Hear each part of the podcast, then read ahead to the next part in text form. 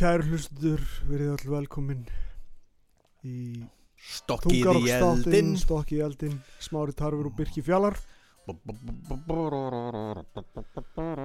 Aðeins að fá að hækka hérna býtum Stokkið í eldin Það strax kom ég ljós Stokkið Í eldin. Stokkið í eldin Skotheld lasmið Gott að gera bara eitthvað Slá bara taktinn einhvers þar á hálsinn Það er orðið eitthvað svona bara ro- rock and roll sko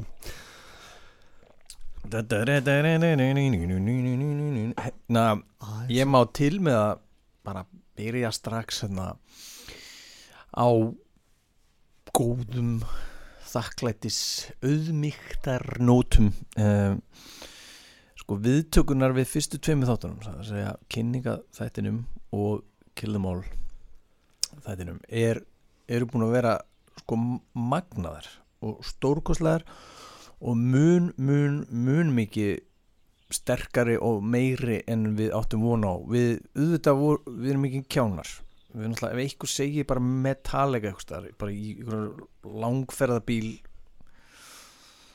á Skagastrand skilur við, þá er einhverju annars staðar í rútinu bara, "Ha, hvað sagði, metallega og hvað, geða mér hérna topp fjör uppáhaldsplötuna þinnar Mhm, mm -hmm. hvað er betri? mhm. Hæ? Að segja mér að Jason Newsted sé betri bassleikar en Burton? Og veistu, það er strax komið á það Svarta blata sökkar? Nei, hún sökkar ekkert.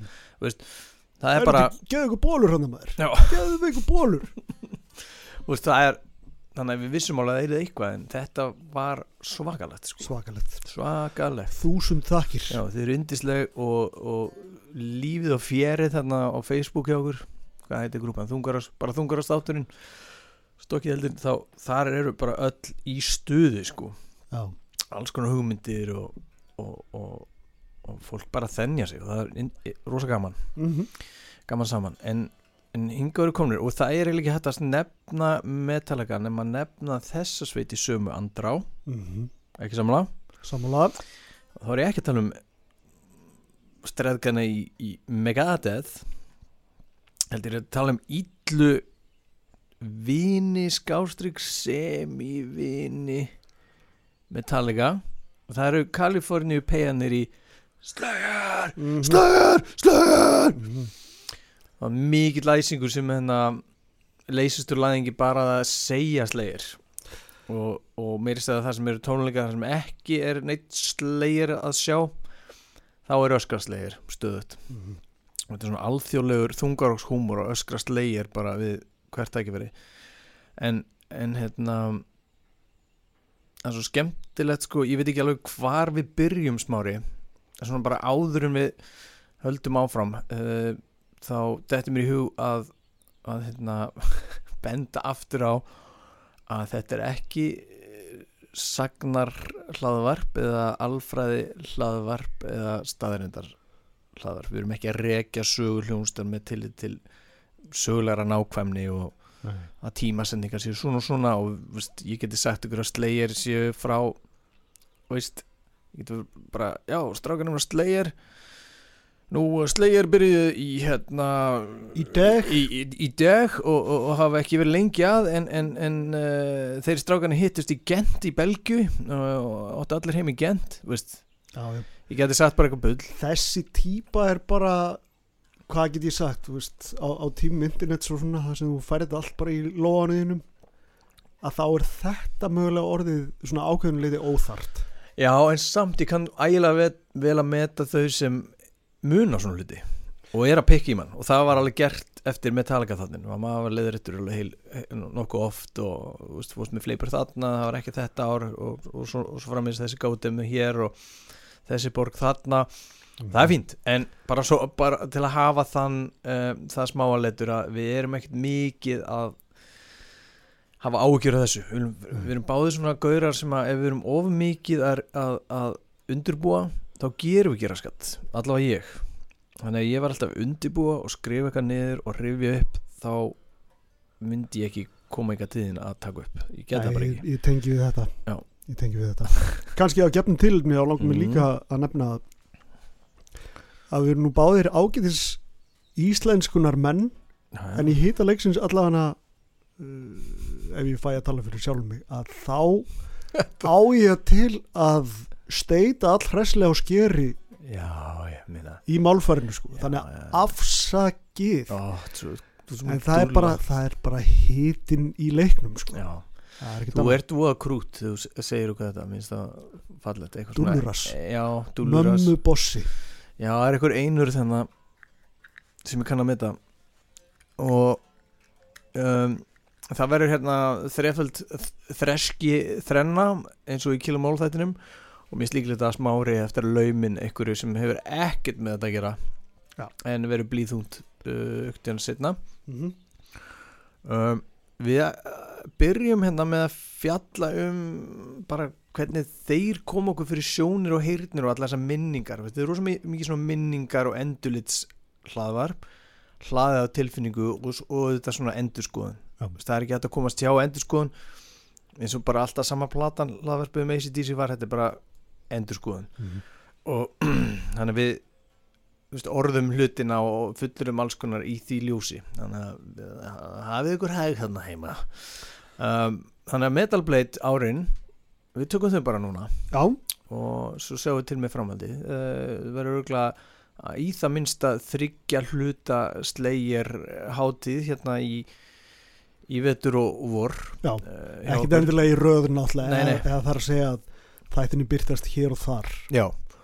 Og, og við alveg munum örgulega einhvern tímapunkti endur sko alveg eina blötu bara sér eins og við gerum kilumál en okkur finnst svona það er einfaldara að tala um slegjar í svona klumpum af því þeir eru ekki jafn mikil ólíkindatóla til dæmis Metallica.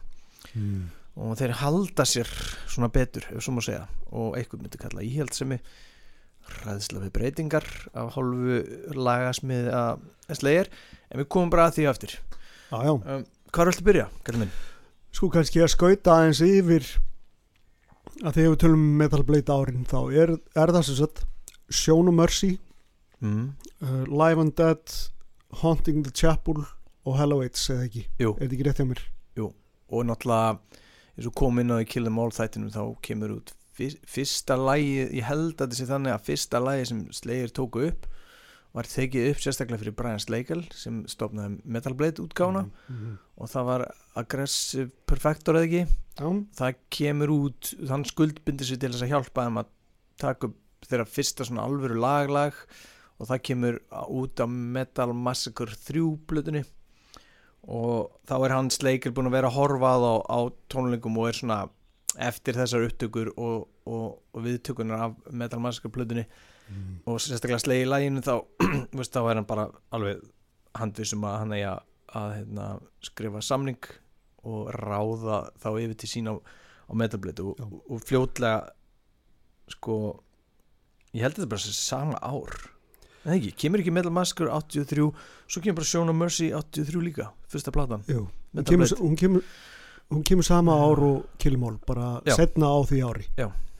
Uh, Hvena tóku þér upp Iron Butterfly hérna innan gata víta Eina lagið? gata- Það er setna það er setna það, þá er þeir eitthvað farnir að, að Vinna með- vinna með já, já, við skulum ekki fara svo langt fram í ekki tímann. gjó, gjósum ei uh, yfir bakka vor. Herru, já og Sjóna Mercy er hérna er um margt forvinnileg plata uh, það sem ég vissi ekki bara fyrir uh, bara nýlega er að Brian Slagle er mikið að, að með puttana í hvernig lögin eru og hvernig heildalúmurinn á að vera og sennilega uppröðun og lögum þegar hann er skrifað sem producer. Er magn, þetta vissi ég ekki. Nei. ég var ekki búin að kynna með þetta. Ég var ekkert að spá þetta því ég var pegi og bara eiginlega ekki neitt. En svo er það hérna gaurinn sem tekur upp sem heitir Bill Metoyer eða eitthvað svo og eina sem ég man eftir hann er eitthvað svona Snem Morbid Angel og, og svo bara Slayer, ég man hreinlega ekki meira hvað hann tók upp en hann er með Æ. svona upptökustjóri. Man eftir þessu nafni mitt. Já, þú mátt alveg googla það úr til stuði sko en ég veit ekkert um hennar mann.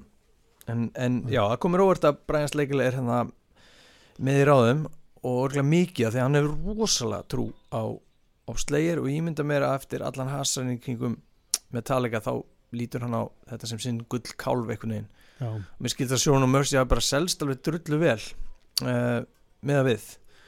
Og, og, og þar með hafi Slayer bara verið í samtalinu sem bara stórt þrassband skilur, örgulega aldrei nefndir öðru sinna Metallica og Exodus koma til tal sko. Mm þannig að þeir eru alveg strax odnir rosa mikið alvöru. Ég er með alls konar já mér langar nú nefni í þessu til- samingi fyrst að. Brian Sleikil er nefndur hann til skjálna Já. að sko ég hef svo sem ekki kafað í hann en ég man alltaf eftir nafnu og eftir því sem ég gott hef best veit að þá er hann ennþá hjá Metal Blade. Já, hann er bara hann er bara, hann er bara. Metal Blade maðurinn bara eigandinn. Já, og til marksum hversu gott samstarf hann á við hljónstir að þá er til dæmis Cannibal Corpse búinir að vera hjá Metal Blade allan ferilinn. Frá Já. 88 sko. Já, en ég vissi ekki þetta að hann hefði, hefði laumað sér í upptökustjórn. Já, já, það vissi ég ekki. Hann kemur meira við svo eftir sko. Já, skemmtilegt. En, en, en að fyrsta, mannstu þess að ég sendi þér í morgun? Ég fekk sko fór að sofa mm. í nótt eftir kvöldvægt þá þá laust þessi höfða á mér og ég hef bara einhver svona kjarnatrú á að slegir strákanir hafi ekki verið jafn miklu grúskarar og Lars Ulrik til dæmis og Exodus-gæðinir Mm. og sérstaklega er ég að hugsa um Metallica í þessu uh, samhengi og þetta er svona eins konar samaburður af því að mér finnst eins og allt grúskið veist, alltaf að fylgja trósa vel með hvað er að gerast í Evrópu fá alls konar dót sendt inn og vita alls konar eins og Lars Ulrik ég held að Lars Ulrik viti mun meira um, um, um jaðar metal og stefnur og ströma á þessum tíma í lífið þessar ungu manna. Ég veit ekki eins og hvað slegir eru gamleir hana þeir eru örgulega tvítuðum, tvítuðu kannski. Ég veit ekki, kann það ekki. Mestalagi og það er einhvern veginn, ég fæ þá áru sko frá Metallica þeir sem meira svona vita meira um stöf og það skilir sér í tónlistinni hjá um, Metallica svona snemma. Hún er svona aðeins æfintýra gjarnar og opnari fyrir uh, alls konar uh, áhrifum heldur en virðist vera með slegir en það er alls ekki þannig að slegir áhrifavaldar slegir heyrist ekki þeir heyrast ótrúlega vel og eru miklu uh, svona hólfaðri heldur en nokkuð tíman þessi blanda sem verður úr áhrifavaldum Metallica, við skoðum að fara? Þetta er þetta er svona ég veit þetta er svolítið óljóst en ef þú berð saman Kill 'Em All og Sjónum Mercy það er alveg hliðstæðir en Kill 'Em All er viltari plata og hún er meira samfænandi það er svona eins og þeir hafi náð svona betur utanum jú við erum með alls konar áhrifvalda ég hlusta ógæslega mikið á Brest hérna, nýbylgju þungarokk Lars og, og, og svona alltaf Hetfield náttúrulega út af Lars og svo með Stein. Og við hlustum á, á svona hardcore punk sem, og það er svona keirur upp offsana Kill 'Em All og svo framvegis. En þetta er svona einhvern svona já, holfaðara hjá stu, bara Sjón og Mercy er rosa mikið Judas Priest. Já. það er bara svona alveg bara príst, príst, príst og, og það kannski sameinar þessar tvær hljónstir já, Þú veist, maður heyrir alveg heyrir alveg maður uh, sem að eru náskildar kilumól sko, mm, já, já, það já. gerir það? Eng, engin spurning og e ekki annað hægt. Uh, eins og, eins og þú veist, þessir drengir þekktist allir. En ég bara segja veist, að þau eru svo svona greinilegri áhrifin hjá slegir og fyrir viki fæ ég svona á tilfinningan þeir hafi haft færri áhrifvalda skilju Já. Og, og ég byggi þetta bara á viðtölum við þessa menn. Já. sérstaklega King og Hanneman sérstaklega King. King er ekkit gefinn fyrir að fara út í svona smáatrið og eitthvað svona djúköfun Mm. hann segir bara, já, mér fannst það eitthvað cool og svo gerir ég lag og það er bara cool það er svona rosa svona snubbotur og, og fer ekki á dýftina. Hanneman fór meira á dýftina en þeir eru ekkert í líkingu við með Stein, Hetfield og, og Gary Holt og Lars Ulrik og svona menn sem er bara að tala rosa mikið um tónlistagiðjuna og áhrif hennar á þá og virðingu fyrir áhrifumveldunum og fyrirennurum og, og svona dæmi. Með King er bara, já, við fýlum príst og venum Nexti Og fyrir vikið, nú þetta, nú laust þessu bara niður í huga, huga mér sko, fyrir vikið eru þeir einhæfari hljómsitt, ekki satt, Jú, jú, ég held sko sem, sem er ekkit slæmt. Nei, nei, nei, bara, bara eins og ACDC urðu ein, einhaferi eða heldust einhaferi en er ekkert sérlega einhaferi en samt sko um, að samt er Sjón og Mercy á einkennan hátt fjölbreyttasta platan þeirra Mm. af því að þeir er ekki búin að finna sinn tón skilur mig en svo þeir finna sinn tón þá ríghalda þær í hann Mhm. og er bara Slayer er Slayer skilur en þarna er miklu meira Slayer eru strákar frá Kaliforníu sem elska Judas Priest mest af öllu og Venom og Maiden og Merciful Fate. Rosa mikið sko. Og það um, á meðan Metallica er bara þetta, þetta, þetta, þetta, þetta og maður er alltaf undir áhrifum frá öllu sem Lars af því að hann er svo mikill sögunörd skilur, hann er svona bara þungar og spókasafsfræðingur skilur, á, ef meðan aftur veist, ég hafði einu svona rosa gaman að hlusta á viðtöl við slegir og svona sjá hvað það var að gera þau. Svo ólíkir innanbors, Tóma Ræja svo aðala afslappaðir, Mm. eh, Dave Lombardo er svona auðmjúkuð þræll tónlistarinnar. Kerry King er bara Bó, bókstaflega, já, bóstala já, já, við höfum eftir að koma inn á það í seinni þáttum. en hefur svona, veist, rosa svona auðmygt gagvart bara að tónlist er list og fólk er alls konar. En Kerry King er bara, mm, alltaf á öxlum öllu, já, Já. er lagið okkar geðið, jú. Er reynir blöð bara rosa áhrifamikil? Já, bara, já, bara cool. Cool album man, cool riffs. Og segir bara eitthvað svona. Og maður, maður er alveg, gaur þú, þú, þú ert eins og guð. En Já. hann er bara, ha, hvað? Er, hann- er hann byrjar að vera með sólgliru í viðtölum þarna? nei, Nei, það kemur senna. sem betur verið, ég held að hann sólgleragna æsingurinn sko jógst í, í jöfnum hlutullum við hvernig hen, ennið á honum hækkaði og hárið var þinnra, grínlaust sko Já, það er baneitrað, baneitrað í brellan. Já, þú getur bara mælt að hann sko, sólglerum Mm. nókun og stærð á sólglerum og að hárið er að fara sko Já, en en að þetta er úthugsað. já, Ker, Ah. ég myndi Kerry King er alveg bara svona semi bara og, veist, einstefnu durgur skilur og, og ekki, veist, það er ekki staðunum fyrir þrjum, auðvitað ekki, það er bara gert hann af bara einu stærstu þungar okkur um sögunar sko, einu umtölustu lagahöndum og svona bara fígurum uh, já. þungaróksins og, að og ég te- ég tek ekkert á hann því ég að segja þetta er ég ekki að taka neitt af Nei, hann nei.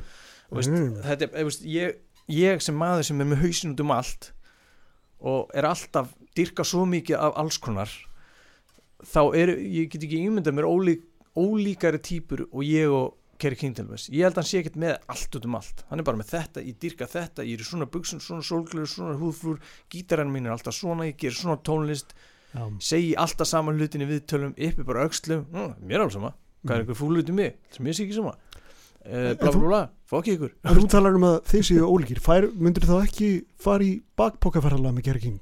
nei, lappa laugavegin með ó Kerry King? nei nei nei, nei, nei, nei, Nei. nei, nei, nei, einhvern tíðan las ég viðtali að eitthvað var í liftu með Kerry King og það var verið óbærilegt sko. Það var eitthvað svona hetja líka.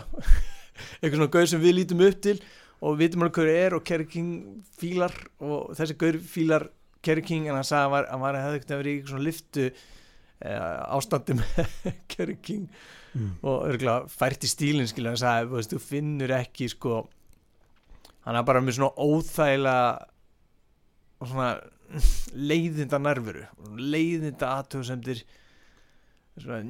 skilur við Æ, ég kynntist hérna á sín tíma í, í bandaríkjónum þegar þegar uh, þegar ég var á tónleikafélagi með, með ja, sérst að spila fyrir Kvarsi íslensku hljónstina að þá urði á veginn mínum sagt, fólk sem, eða var á veginn mínum fólk sem að þekkti Kerry King og þar, þar var eitt sem ólst upp í Arizona þaðan sem Já. Kerry King kemur.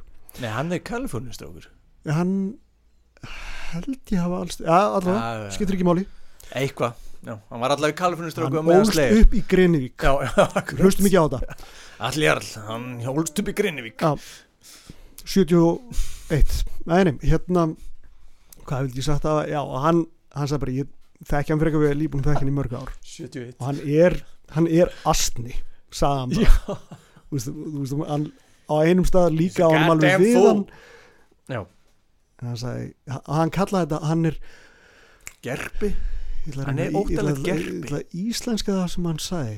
Hann sagði, hann er, hann er skoðana maður Ó já, ó já. Sest, og, á, á ennsku opinionist. Já, já, já. og bætti við hann er astni hann.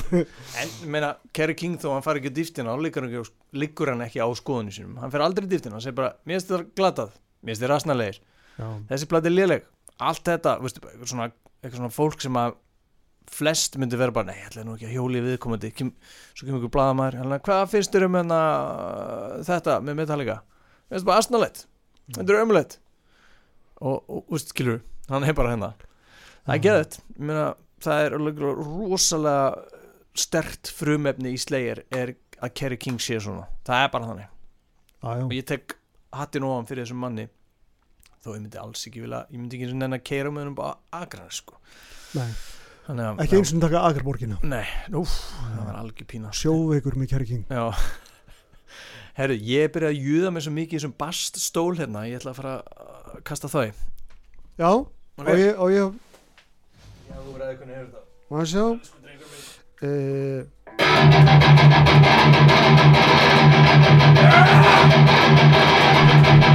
eitthvað eins svona, mann ekki.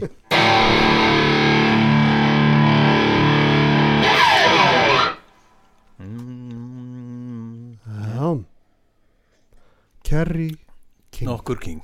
Um, og restin af sveitinni sko á þess ég viti og ég nenni ekki að vera að fara eitthvað í æsku sögu þeirra. En King sko virðist vera maður sem kemur af nokkuð góðum efnum sko.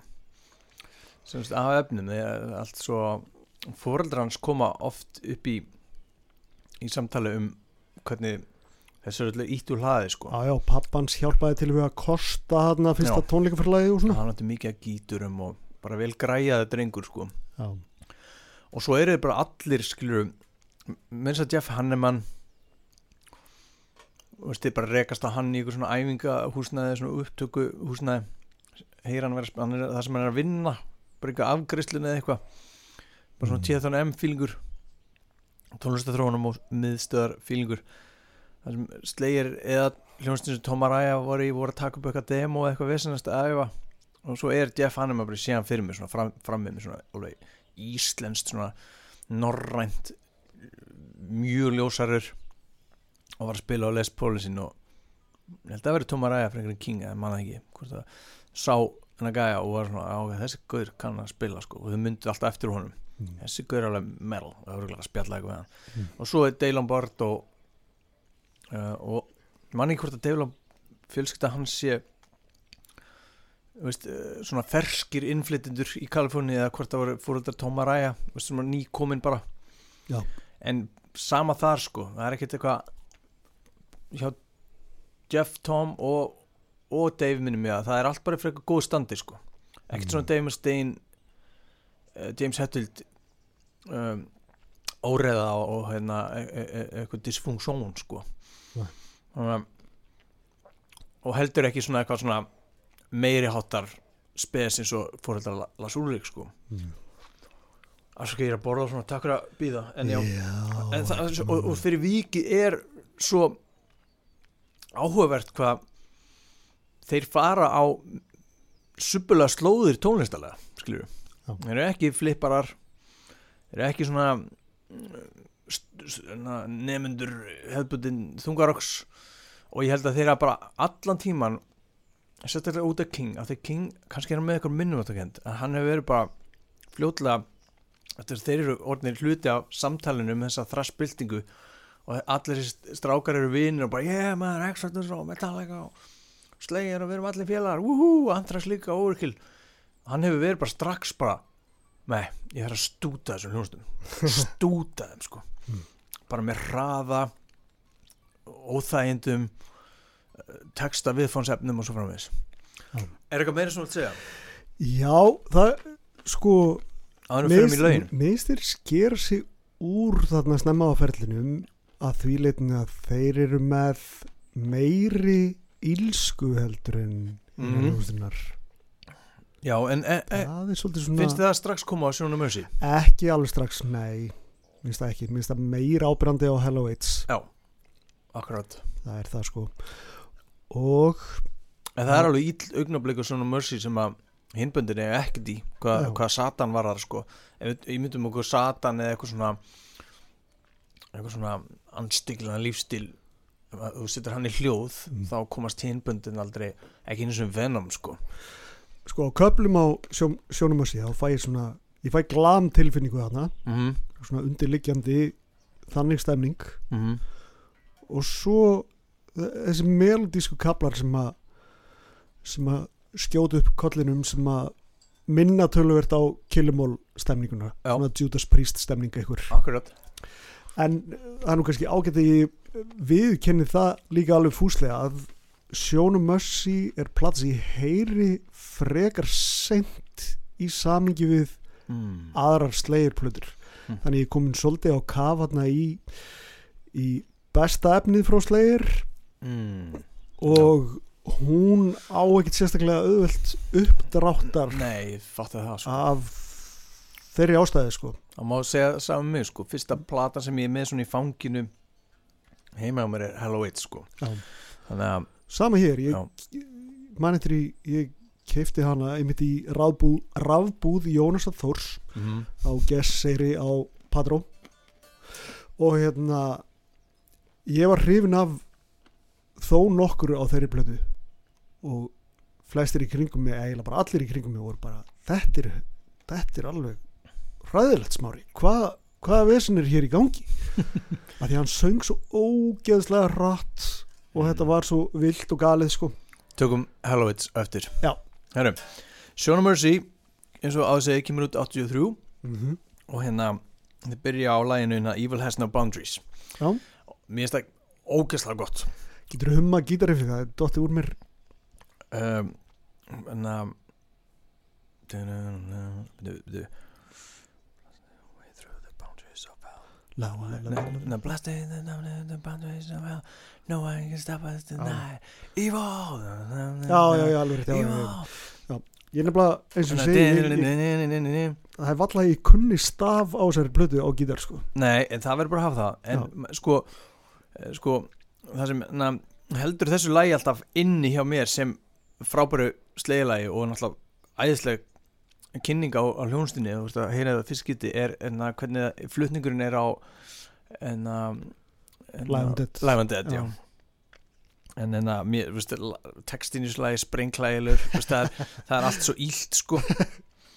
Og, og og maður heyri strax glott tónin í söngrödd Tómaræða já, og sem heppi- en að, heldur sér svolítið lengi. En það er rosalega þegar viðlanum með tvö kemur þá hlæra hann í staðin fyrir að syngja fyrstu línuna. Hann hlæri bara. Og svo bara heldur hann áfram með línu tvö. Mhm. það er geggjað. Og bara takk Brian Slagle fyrir að vera ekki að fetta fingur út í þetta og þetta er ógeðslega svalt. Og fyrir viki, veist, hún byrjar í svolítið partyfíling þessi plata. Já, þetta er svona heldur eh, eh, þessi svona þessi, þetta, þessi bensku breks stemning Já. Hún skín hresslega í gegn hérna Já, og þetta, byr, já, mitt, þetta setur svona þetta setur ekki beint tónin, en þetta er ógæslega skemmtilegt að hún byrja svona platan. Mm. og ég skrifaði hérna niður hérna textana þegar mér stann svo bara allir textin er ó, bara ógeðslega fyndin og maður sér það fyrir sig bara að vera hungaleg Mhm. skrifa allt um að drepa eitthvað og vera illur og allt þetta dæmi. Og hann er einhvern svona blasting our way through the boundaries of hell. No one can stop us tonight we're taking a world with hatred inside. Mayhem the reason we fight. Mayhem the reason we fight. Mm. surviving the slaughters í fleiri tölu and the killing we've lost. Then we return from the dead. Þá ertu Ah, komin bara með já, já, já. uppvakninga líka. Já, já, já, já. attacking once more now with twice as much strength. We conquer then move on ahead. Það er svona her af einhverju uppvakningu sem drepur allt sem uh, sem uh, verður á þeirra vegi sko, alveg óborgarlegt og mér finnst þetta frábært lag þannig að bara ógeðslega skemmtilegt Mhm. og svo kemur hérna Antichrist sem er mun, mun þekktara lag og mannstu því I am the Antichrist Já. Þannig að Já, þetta er Takka, takka, takka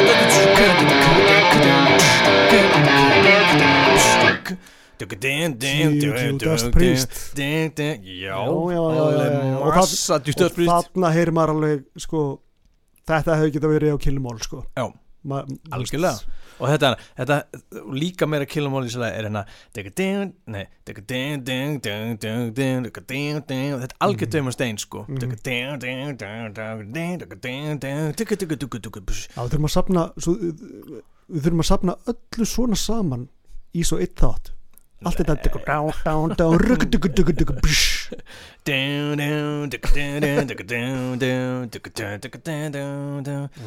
og mér finnst þetta um,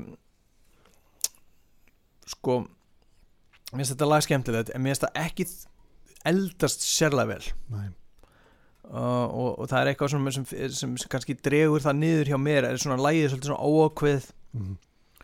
Og, og hérna er svona, eitthvað svona óákveðni sem svona það niður. En það er rétt, hérna, príst andin er alveg gríðalegu Já. svífur hérna yfir.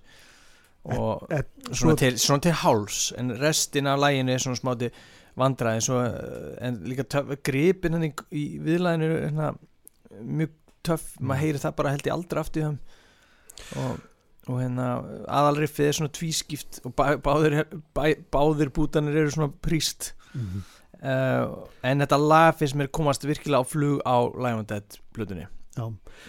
Sko, sólaði miklu betra það líka tvö aðri sem mig langar að koma með. Það er eitt sem er soldið talað um í sambandi við Slayer þegar þeir, þeir skjótu upp kollinum það er það að gítarleikarnir skera sér svolítið svona út mm. úr, úr því sem er í gangi á þessum árum og það er talað um að þeir búi til sína eigin tónstega eða likla Mm.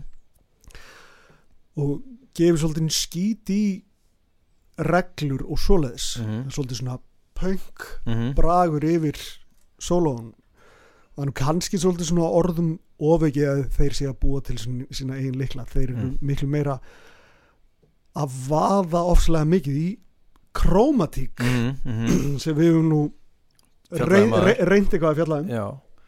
En ég meina þetta, þetta er samt alveg rétt hjá þér af því að um, ef, Sko- við gefum okkur það að jú, spilaði smá kromatík sko, Ítla kromatík sko, er þeir ekki rosa mikið hérna þú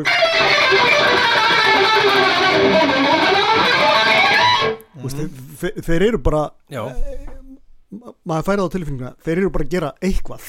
Já, þeir eru, þeir eru með þröstum tækni Já. það vantar ekki en þeir fara bara hingað og þangað mm og svo spáði bara í hvernig, hvernig hljómaði þetta Skil- já, já, látum þetta standa Já, en, en, en þarna förum við um öll af því að þetta verður eitt af einkennum sveitarinnar Mhm. og þarna eru þeir ekkert sérlega góður í þessu að gera innan geðslapa þessar kromatísku bull sóla já. og hlusta það nú Mm. af því að þeir eru undir áhrifum frá síkildu þungarokki og þeir komast ekkert frá því og þeir eru líka krakkar eiginlega eða nýbúin að vera úlingar þannig að við skulum ekki vera eitthvað "Eh, og ekki segja þetta um slegir. Mhm. þetta, þeir voru bara pollar. Mm. um, sérstaklega á bjöliðinu þá heyrur þá báða taka síkild þungarsólu sem eru áheyrilegri melodískari og hefbundari á allan hátt. Já, það eru uh, meira á aðliðinni er þetta sem þú ert að nefna. Mm. ekki alfarið en það er langmestu hlutin er svoleiðis solo en svo í bjöliðinni sem eru lög sem eru bara mörg hver alls ekkert slegirleg og svona pingu vandræðgemsar og uh, út í hunda ef það er farið ef út í það er farið þar heyrur líka og það er ekki skilur ástæðalust Mm. Ef þeir eru að spila hefbundin venjulegri þungarslög á bjöliðinni þá eru hefbundin og venjulegri gítarsólu fattur mig, og þá heyrir maður alveg þeir elsku alveg gítarhettur eins og, eins og með Stein og Kirk Hammett og Skolnik og hver sem er, það voru allir, allir dýrku gítarhettuna og þeir, sko. hérna, Hannemann og King er ekkit þar undarskindum, þeir eru bara áhrif, áhrifagjarnir ungi menn og það heyrist á bjöliðinni en Já. þannig er til dæmis ekki þannig svo ló Mhm. þannig er svona grötur í antikrest Mhm. svona illu grötur sko Já. En ég vildi líka hinn punktur sem ég vildi hinn punktur sem ég vildi koma með er það að þessi kapli í þessum tætti mm. hann er nú bara nánast sóló frá þér því að Já. ég, þessi plata kemst ekkit vola mikið inn á mænuna mína sko. Nei, nei, nei, leið þú bara kemur með, þú ert bara hennar byrkirinn í allt þessum plötunum núna. Mm. fyrir utan það, ég veit ekki raskat en, en þetta er svona, skilur við en hérna, ég fæ kannski skjóta það inn í þeir eru jafn gamlir Metallica. Já, veist, emitt þar að segja Han, Hannemann og King. Já, þess vegna eru þeir ekki í einangrun sko, uh, áhrifalæsi Mhm. þannig að það, það heyrir svo vel á björliðinni veist að slegir eru einstakir og verða einstakari en það má ekkit vera eitthvað að setja það á stall sem einhver svona undraböld sem bara byrtust fullskapaðir það er Mhm. bara enga við þannig Nei. og, en það sem að hjálpaði þeim rosa mikið er þessi textar eins og í þessu Antichrist Watching the disciples of the satanic rule Pentagram of blood holds a jackal's truth Já, og veist, það er alltaf eitthvað pentagram, satanic já. hell, Antichrist uh, endalust sko það er nefnilega hljónstir sem að eh, sko daðra við þetta en Já. fara aldrei í sjálfan djöfulin Nei, en nei, það nei. gerist leið Já, það gerist leiði sko, alveg djöfullin er út um allt á þessum Æ, æ, æ. plötum sko og veist, pentagram of blood holds the jackal's truth searching for the answer Christ hasn't come alltaf Kristur alltaf bregðast öllum er þeir, awaiting the fo nei, awaiting the final moments the birth of Satan's son. Ég man ekki alveg hvernig hrinjandinn var. Waiting, nei, waiting the, ah, ok, hrinjandinn Ég- var öðru síðan en awaiting the final moment the birth of Satan's son, það er allt þannig á, Satan's Ég- son, Antichrist málið dött, er þeir komnir í stríðspælingarnar þarna? Ég kem betur inn á það já, eftir já, spennt. Næst er Jab of the Sword og Mm. það er betra lag.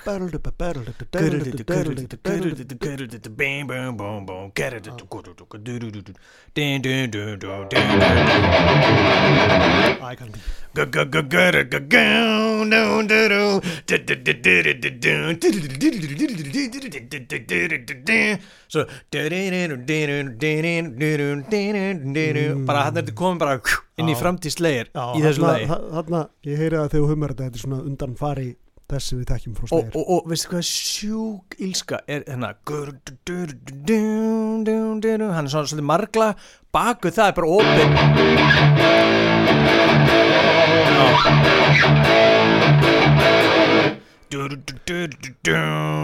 og undir þar er sko einn gítar bara með sinna eigin rás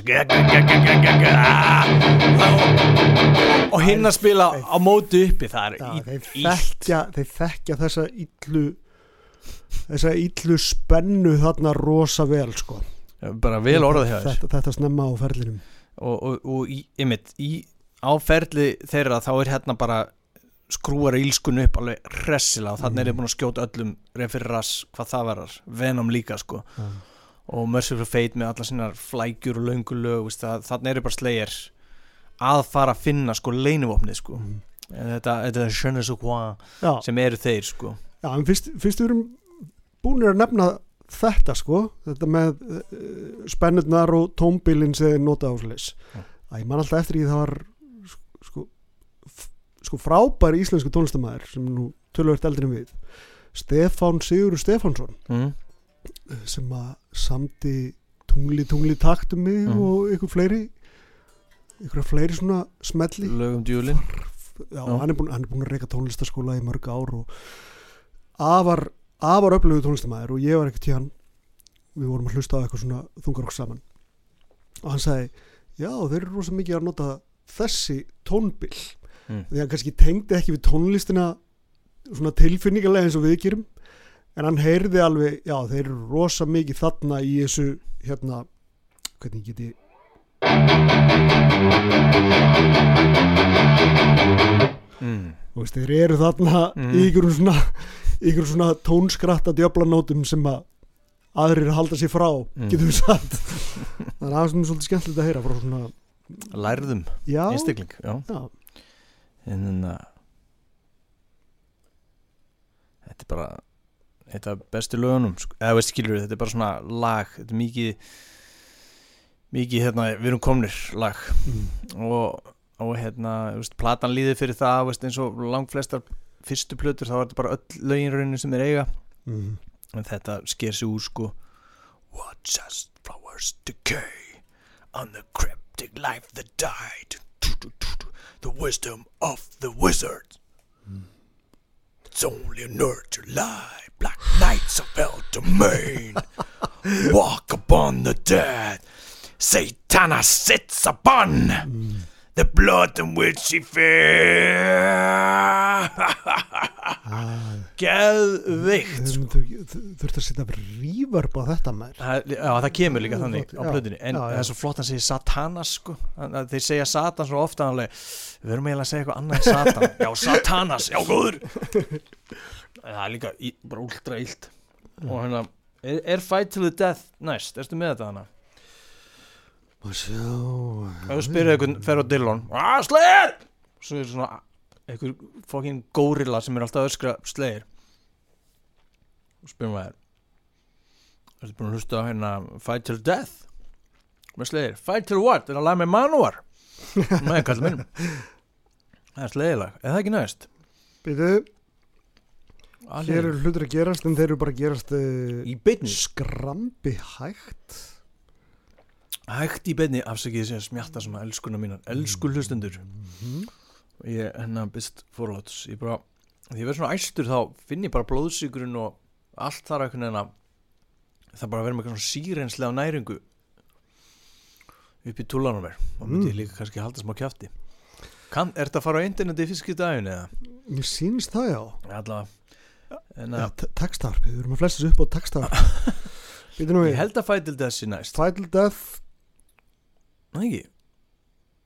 Uh, Jú, mér sýnst það. Og, og að þarna er líka veist, smá grimt, ekki jafn mikil ílska en þarna er verið að að bæti í grimdina sko. Og þá, e, e, bara, þá er ég meina í grimdina í Kaliforníu þrasmetal sko. Veist, skilur bara heilt yfir. Já, þannig eru þeir ennþá veist, eru að fjarlægast vinni sína. Og, og það er minnst magnað að heyra svona Fight Till Death er ekkert sérlega gott lag en það er alveg grimt. Mhm. Og minnst það magnað svona með við hvað Metallica, Exodus og Anthrax voru að- gera á þessi tíma. Öll, öll mjög ólík en þessar myrku víbrur eru þarna alveg búin að taka sér bólfestu í slegir Mhm. og alveg út í svona og það, þetta til þennan lag er alveg út í svona þýst þrass sko. Já, svona kreator stemning sko. Og, og, og svona sem, sem er kjarnin og hryggjast ekki í þessu lægi er rosa mikið slegjarlegt svona hratt slegjarlegt lag og þú heyrir eiginlega svona bergmála þessu lægi bara oft á hérna Def Jam plötunum líka og, og bara í framhaldinu þessu en bara þetta lag er bara ekki nóg gott. Mhm. skilur mig? Það er með þessi þessi frumefni sem þarf að hafa í, í, í, í hérna, góðu slegilagi en bara þetta tildinlega er ekki sérlega gott. En þeir, þeir segja hérna to rain in hell eða eitthvað to rain in hell! Og hérna og þeir, ég veit ekki hvort það hefði haft eitthvað með að gera hérna hvað ein, ein, ein svona áhrifamestaplata er að hérna var síðan köllu sko. En já, og þess má geta að ég ætla að standa hérna upp og Mm. fara og setja kitilinn í gang og þú ætlar að vaða í næsta lag. Já, það er hérna þessi vandraða tvenna hérna, sem, sem þú mannst örgulega ekkert eftir. Og, og rosa mikið af hérna, Dillon Górilan hana Slayer! Veit ekkert hvað er að tala um ef við spyrjum til þessu lög. Og, og þetta er ekkert elitista hlaðvarp ok, slappið af. Þetta er ekki þannig veist, að hver mann og veit best. En, en það er kannski ekki ástæðalausu að Górilan og Dillon veit ekki hvað, þess, hvað lög þetta eru af því að þeir hafa örgulega aldrei spilað á tónleikum aftur eftir urðu stór hljónust og, og hérna stóru fjóru eitt af stóru fjóru böndunum og hérna, já, þetta er svona vandraða tvenna sem engin mann eftir. Og um, ég mann sko Metalstorm er svona bara hljóðfæraleikur og hann er svona episkur eins og Metallica myndi vera að gera eitthvað á ræta lightning tímabilinu. Svona epic og melodýr og svona út í testament. Og, og þetta er örugglega síðast á fyrst og síðast geti sem hei, við heyrum þessi þrjú bönd nefnd sem eitthvað lík í tónlistilegum safingi að það sé eitthvað svona skurpundur á milli þeirra að þetta er svo epíst og grand og melodist og svona eitthvað hetju hetju fílingur sem er bara alls ekki slegir. Og þetta er bara svona power metal lag sko. Og, bara, og svo breytist það yfir í yfir í svona frekar hefbundið þungararslag sem heitir Face the Slayer sem er, er, er bara ekki Og býtu þetta er loka lagið á Já, þetta er- já, þetta er loka lagi sko á aðliðinni þannig að þeir fara út í já, þetta er bara eitthvað svona bæði að hafa þetta svona í eitthvað svona klessu sko eitthvað svona power metal, instrumental dæmi. Og svo þennan Faces Slayer lagið. Að þetta er bara þú veist bara að setja lög á plötuna skilur og sjá hvað virkaði og þetta virkar ekki. En textin er aftur fyndin og, og hann, hann er ekkert ekkert sérlega illur sko. Meira svona einmitt í hetjuna you see me lift the axe as it plunges through your shield. You now begin to panic as you see your chances go sl- grow slim. You're running through the endless maze turn and in, turn and I'll be there a force too strong for you to fight. Your end you'll see tonight. Þetta er alveg svo manúar maður. Já, og lægi líka sko Þannig að þetta er alveg illa klent sko. En manúar sjáum þessa dild og gera það miklu betur en slegir Þannig að er bara mjög gott að slegir fór aldrei lengra Út á þennan hála ís, skulum segja. En bjeliðin byrjar hins vegar á fyrsta slegilæðinu sem ég heyrði. Og það er Black Magic. Já. Svartakaldra lagið. Og ég heyrði það í þungarastættinum hennar Lóisu Lóisu sem hefur verið áður nefnd og mun vera oft nefnd og var gestur í tvígang í alltaf sem plötinu hlaðverfinu um, um allar plötur ACDC og hún spilaði Live on Dead útgáfuna af Black Magic og ég var svo sko bergnumin af hrifningu. Og Og svo svo- útgáfa er betri Jú, jú, hún er betri. já, já. hún er betri og og svo hjálpaði náttúrulega að æsa og æra lítinn byrki er þessi þú veist, innan gæðslepan já, náttúrulega lifandi flutningur en allir þessi viðbættu áhörenda öskur sem eru vinið þeirra sko. Já, svona stemning. Stemningsöskurinn eru alveg sturgluð og ég hef aldrei séð þungar og smimbönd annað en bara hjá svona risaböndum eins og Maiden og Judas Priest. En þannig fann ég á þess að hafa ykkur forsundi til að sjá það ég fann bara að væri eitthvað, eitthvað, eitthvað lið bara að henda bjórflöskum detta á eitthvað drasl. Mm. skilur mig? Mm. Og þetta skiptir ótrúlega miklu máli fyrir svona ímyndunafli hjá manni. Þegar maður er að heyra eitthvað sér ekki neitt, heyri bara og, og lofis að kynnt þetta bara með sín nefi, þetta væri bara eitthvað lifandi upptökur og ég veit ekki hvort hann har sagt þetta væri vinir eða ég held hann bara sagt þetta væri bara á tónleikum. Það var nóg fyrir mig sko, ég Já. sá bara allt í bullinu sko, í huga mínum. En lagið er bara svo gott. Þú veist það er ekki jafn gott og hérna Dab with the Sword en ég meina því lít laga Black Magic. Já, og það sko, já, já, við fyrir náttúrulega í læfum þetta eftir, þannig að ég ætla ekki að æla þessu út um mér strex þetta er, þetta er, það er líka ílska í þessu lægi en ekki jafn ílt og Mm. hinn sem við erum búin að nefna. Um, en, en allt þetta þannig Satan talið alveg gýrað upp sko. Cast under mannstu riffið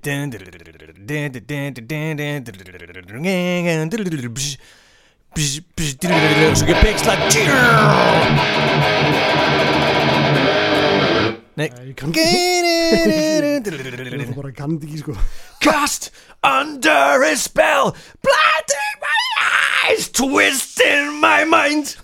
Fight to resist the evil sight, captive forces of Satan's, Skot heldur captive of the forces of Satan's might, a force of Satan's might.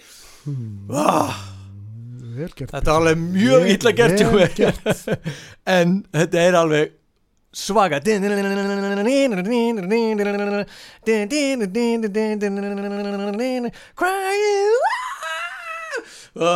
ó, Hmm. fyrir ekki Nei, þetta er skemmtilegt. Ég meina, eins og ég segi, þetta er, þetta er solo hlutin, hlutin þinn. Já, captive of klart. force of Satan's might. Þú ert fangi krafta Satans. Kraftar hans eru bara óumflýðalegir og þú getur ekki ráða við Satan. Næsti tormentor. Bla, uh, Viltu segja eitthvað meira um þetta? Það, nei, en í Tormentor sko hjó ég eftir því að það er þar kemur ykkur svona rosa meldisku kapli Já, alveg bara Merciful Fate og Priest alveg á fullu. Og mér finnst þetta lag mér finnst þessi blanda sko af að þeir, að þeir sé að gera eitthvað svona þetta er svona eins og að Venom hafi verið að vera að taka sko sko Venom geta alveg verið grípandi. Og þetta er Mhm. svona grípandi hluti Venom sett í saman einhvern graut með Mer- Merciful Fate og, og Priest. Og, og mér finnst þetta bara fara þeim svo illa. Skilum mig, þetta er ekki lélir áhrifavaldar og alls ekki slæmi hugmyndi þeir bara ferst þetta ekki vel úr hendi þetta er alls ekki samfærandi skilum mig Mhm. þannig að svona stemningslega sé er þetta eins langt frá ef til nefnir Slayer þá er enginn að hugsa um þetta lag eða stemningunum sem er í þessu lagi Mm. sammála? Ég get ekki annað en verið samlað Já, og veistu, líka bara svona í svona heildrænu ljósi er þetta fyrirlegt val en aftur það er ekkert val þegar þú ert svona ungur. Nei, þú veist, þá ertu bara, já þetta lag hérna lagar, við erum búin að æfa ógeðslega mikið við þjættir setjað á plötuna. Það er ekkert sérlega gott en að það verður á bjöliðinni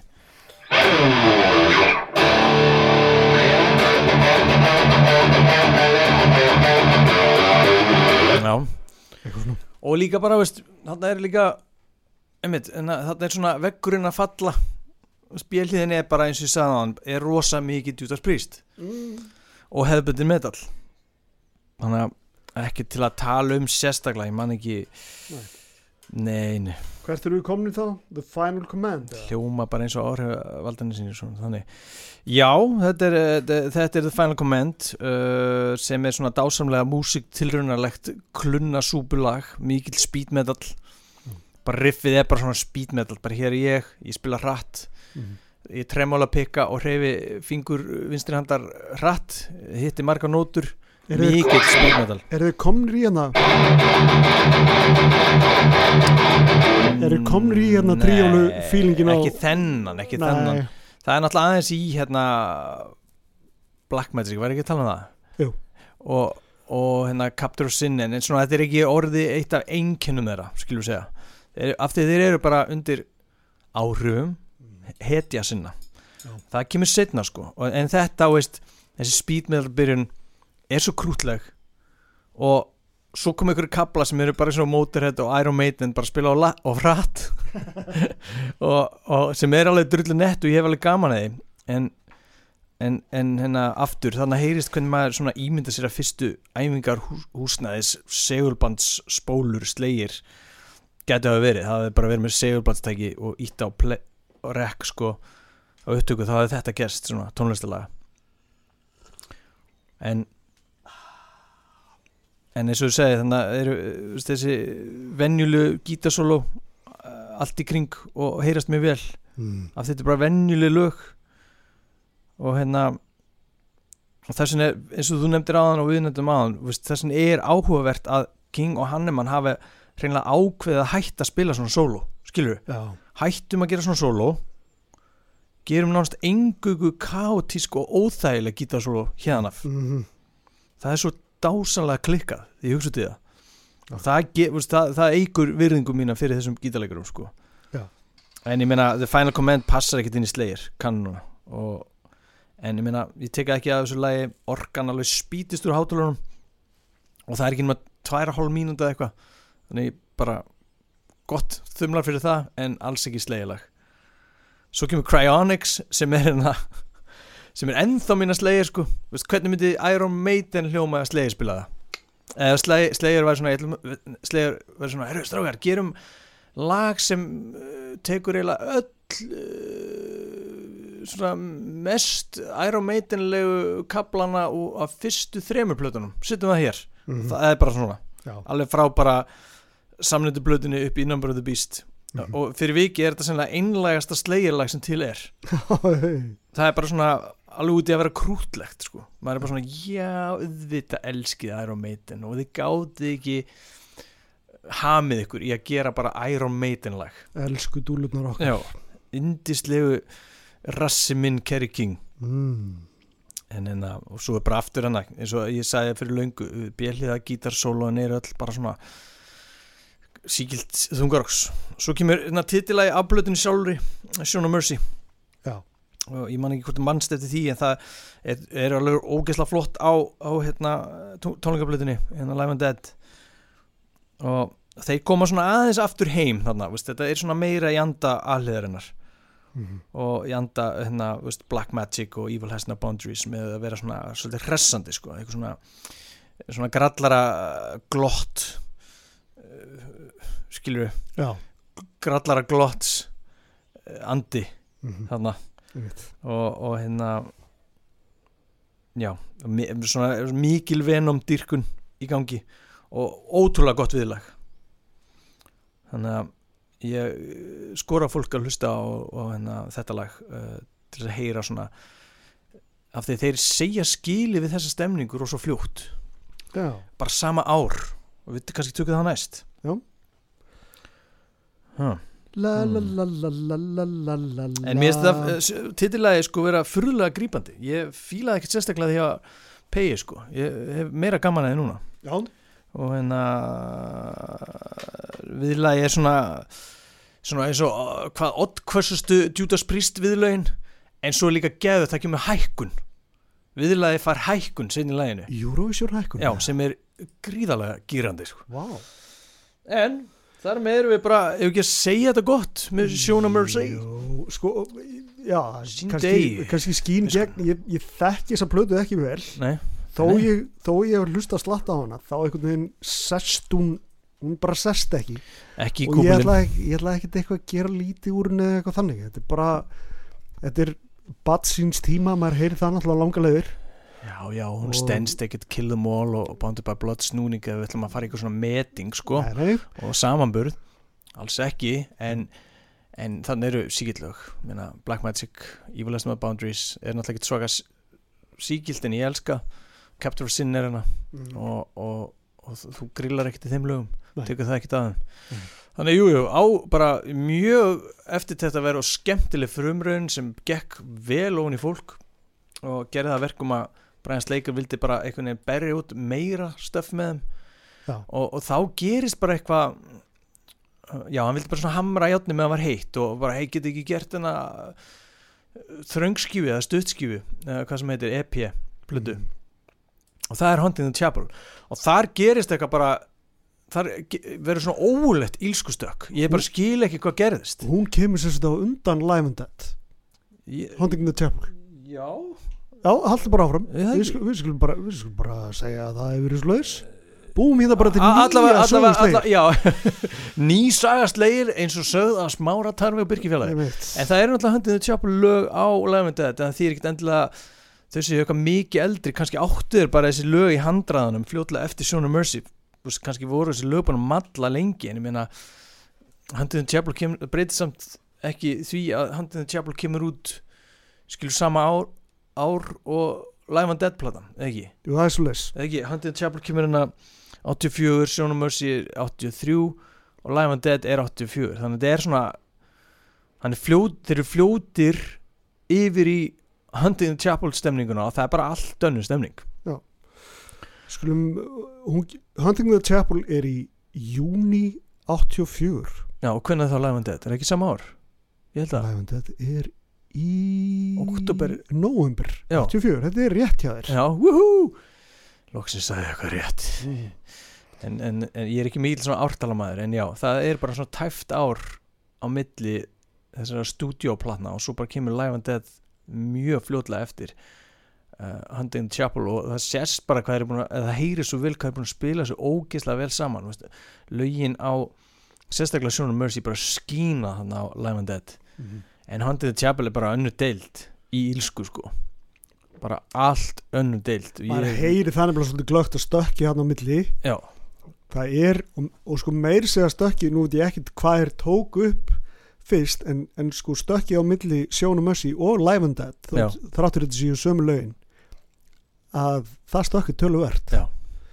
Algjörlega hljónstin er uh, mögulega búin að búin að kýla á ansi marga tónleikaðna í mildtíðinu og, og búin að sjá Exodus og vera bara heyri, nei, við getum ekki verið að spila hægar en Exodus það gengur ekki, Mm. þú veist, þú veist þú, það er bara þannig, hlýtur að vera en Hunted Chapel er rosa merkileg fyrir þess sakir að, að myrkrið og grimdin og ílskan alveg fer á allt annað stig sko með Chemical Warfare Mhm.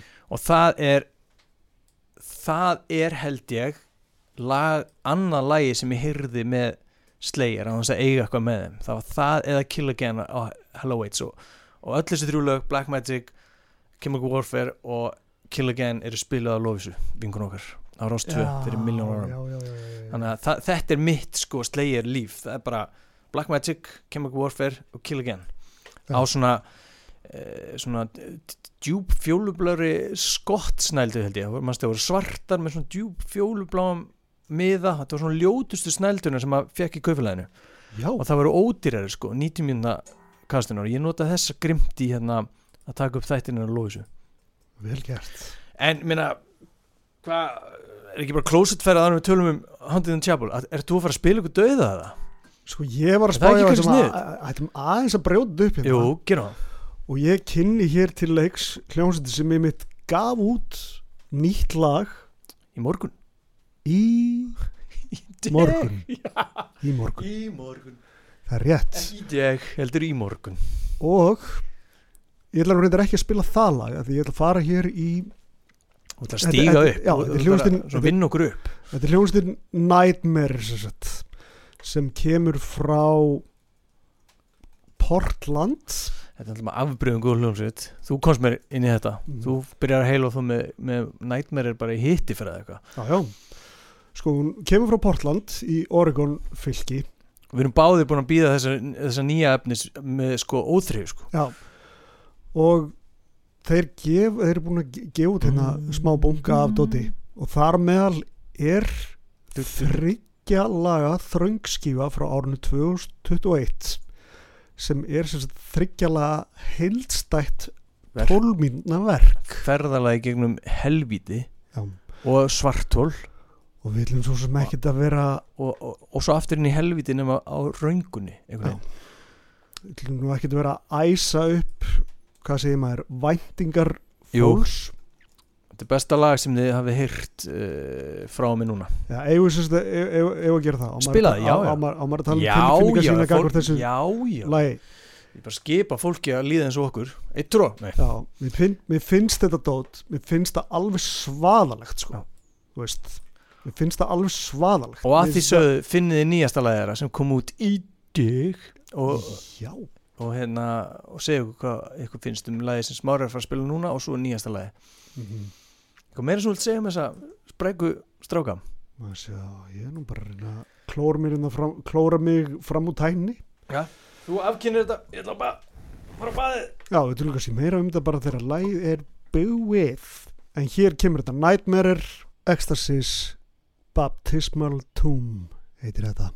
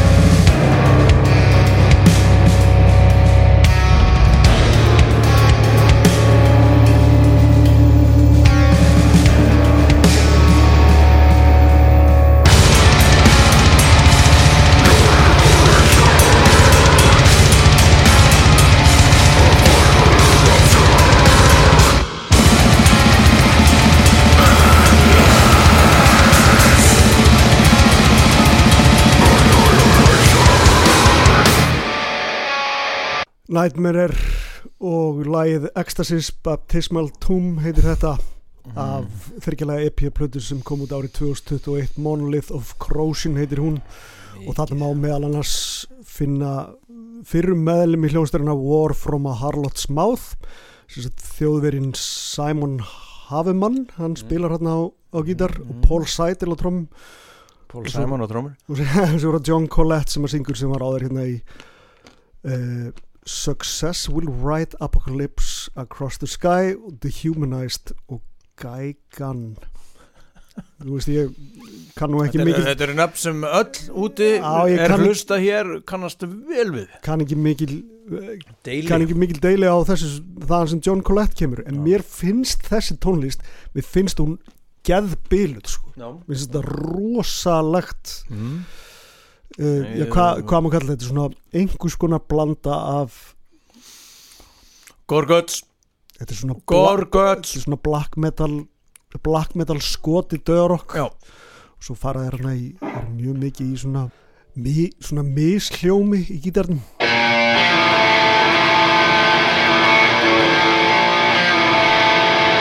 Spila svona einhvern veginn opna strengi saman í svona mishljómi þar að segja að, að það er eins og nótunar passa ekki alveg saman.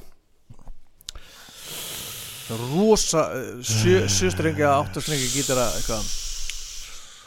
Já ég bara ávart til orði yfir Þú þarft ekki að samfæra mig, þú samfæra mig fyrir löngu sko. Ég er búin að býða óþreyfullur eftir þessuna, þessa nýju þessu nýju lögum, svaka eftirvending og þau svík ekki af því að, að þetta nýja lag að það, það er ef segja má grípandi. Já, og hérna, heyrðu þið momentum niðurbrótskaplan í þessu lagi? Ég veit ekki hversu mikið þú hlustaður á íslensku sveitina momentum en endilega gerið það. Mm. Herru, Sko áður ég, áður glemur sig er það að ég skuttlaði hér skuttlaði hér línu á á, á. uh, Simon Sludge eins og hann er kallaður, Simon Havemann. Og hann sem sagt ásand öðrum rekur hérna Total Dissonance Worship mm. útgáfuna mikið af frábæra efni þar og það má Mm. finna allt á bandkamp og ég nefndi, ég nefndi þetta við hann að, að ef Nightmare Mm. er á leið yfir hafið og þá getum við Mm. mögulega aðstofa þá við að Koma halda hingað. tónleikina og, hann nefndi sko Freflanir er og Nightmare á Dillon það er einhver íslensk hljónsett sem heitir þú þekkir þetta betur en ég, Sin Mara Já, og, og hann, nefndi, hann nefndi Ascension hátíðina í þessu samingi hvort að Nightmare rætti ekki að koma þanga Já Herru, og ég, þekk- náttúrulega, ég, ég Já, sagði bara, herri, já. bara um leið og einhver gluða myndast hana Það væri fullkomið að Ascension hátíðina Frábær hátíð. Já. Og Sinmara, frábært uh, s- Frábær íslensku svartmálmur Held að það heiti K Og sk- skiptir svo yfir í Sinmara nafnið. Já, Geggið sko, alveg virtir úti Sinmara Já. Hann er efni enn þátt En já, Kúla hann þekkir íslenska sveitir og íslenska tónleikaháttíðir það, það er náttúrulega ekki, kemur, kemur bara ekki óvart lengur Mhm.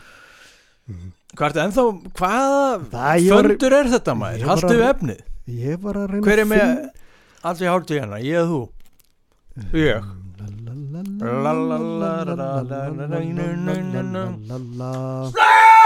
Mm. Og hérna kem, Sko Ég get ekki lísti hversu ólegt Chemical Warfare er. Mm.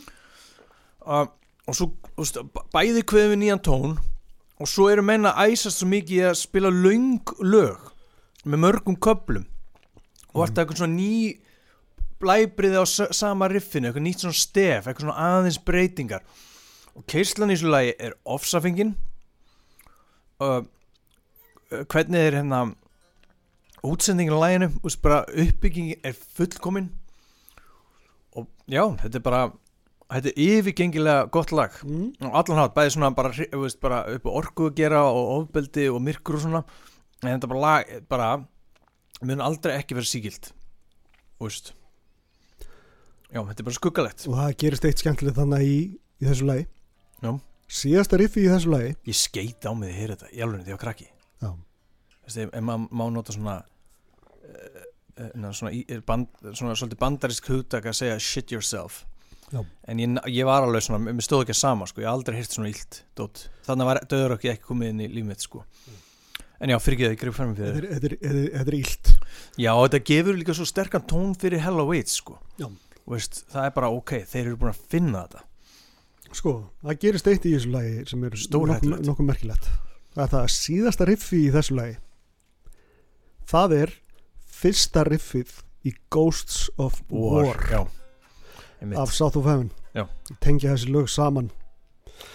Ansi skemmtilegt. En já, Já. minnst Chemical Warfare minnst það besta lag slegir til þessa já, já, já, í þessari yfirferð svo segir hann líka hana í stoppinu fuck it up! Alveg, bara, þetta er rú og, hljómar lúðalega að segja ef maður segir svona, og svo segir hann fuck it up í ykkur svona illu lægi en bara út af röddina Tom Araya er svona þá er það svo rosalega mikil æsingur sko. Mhm.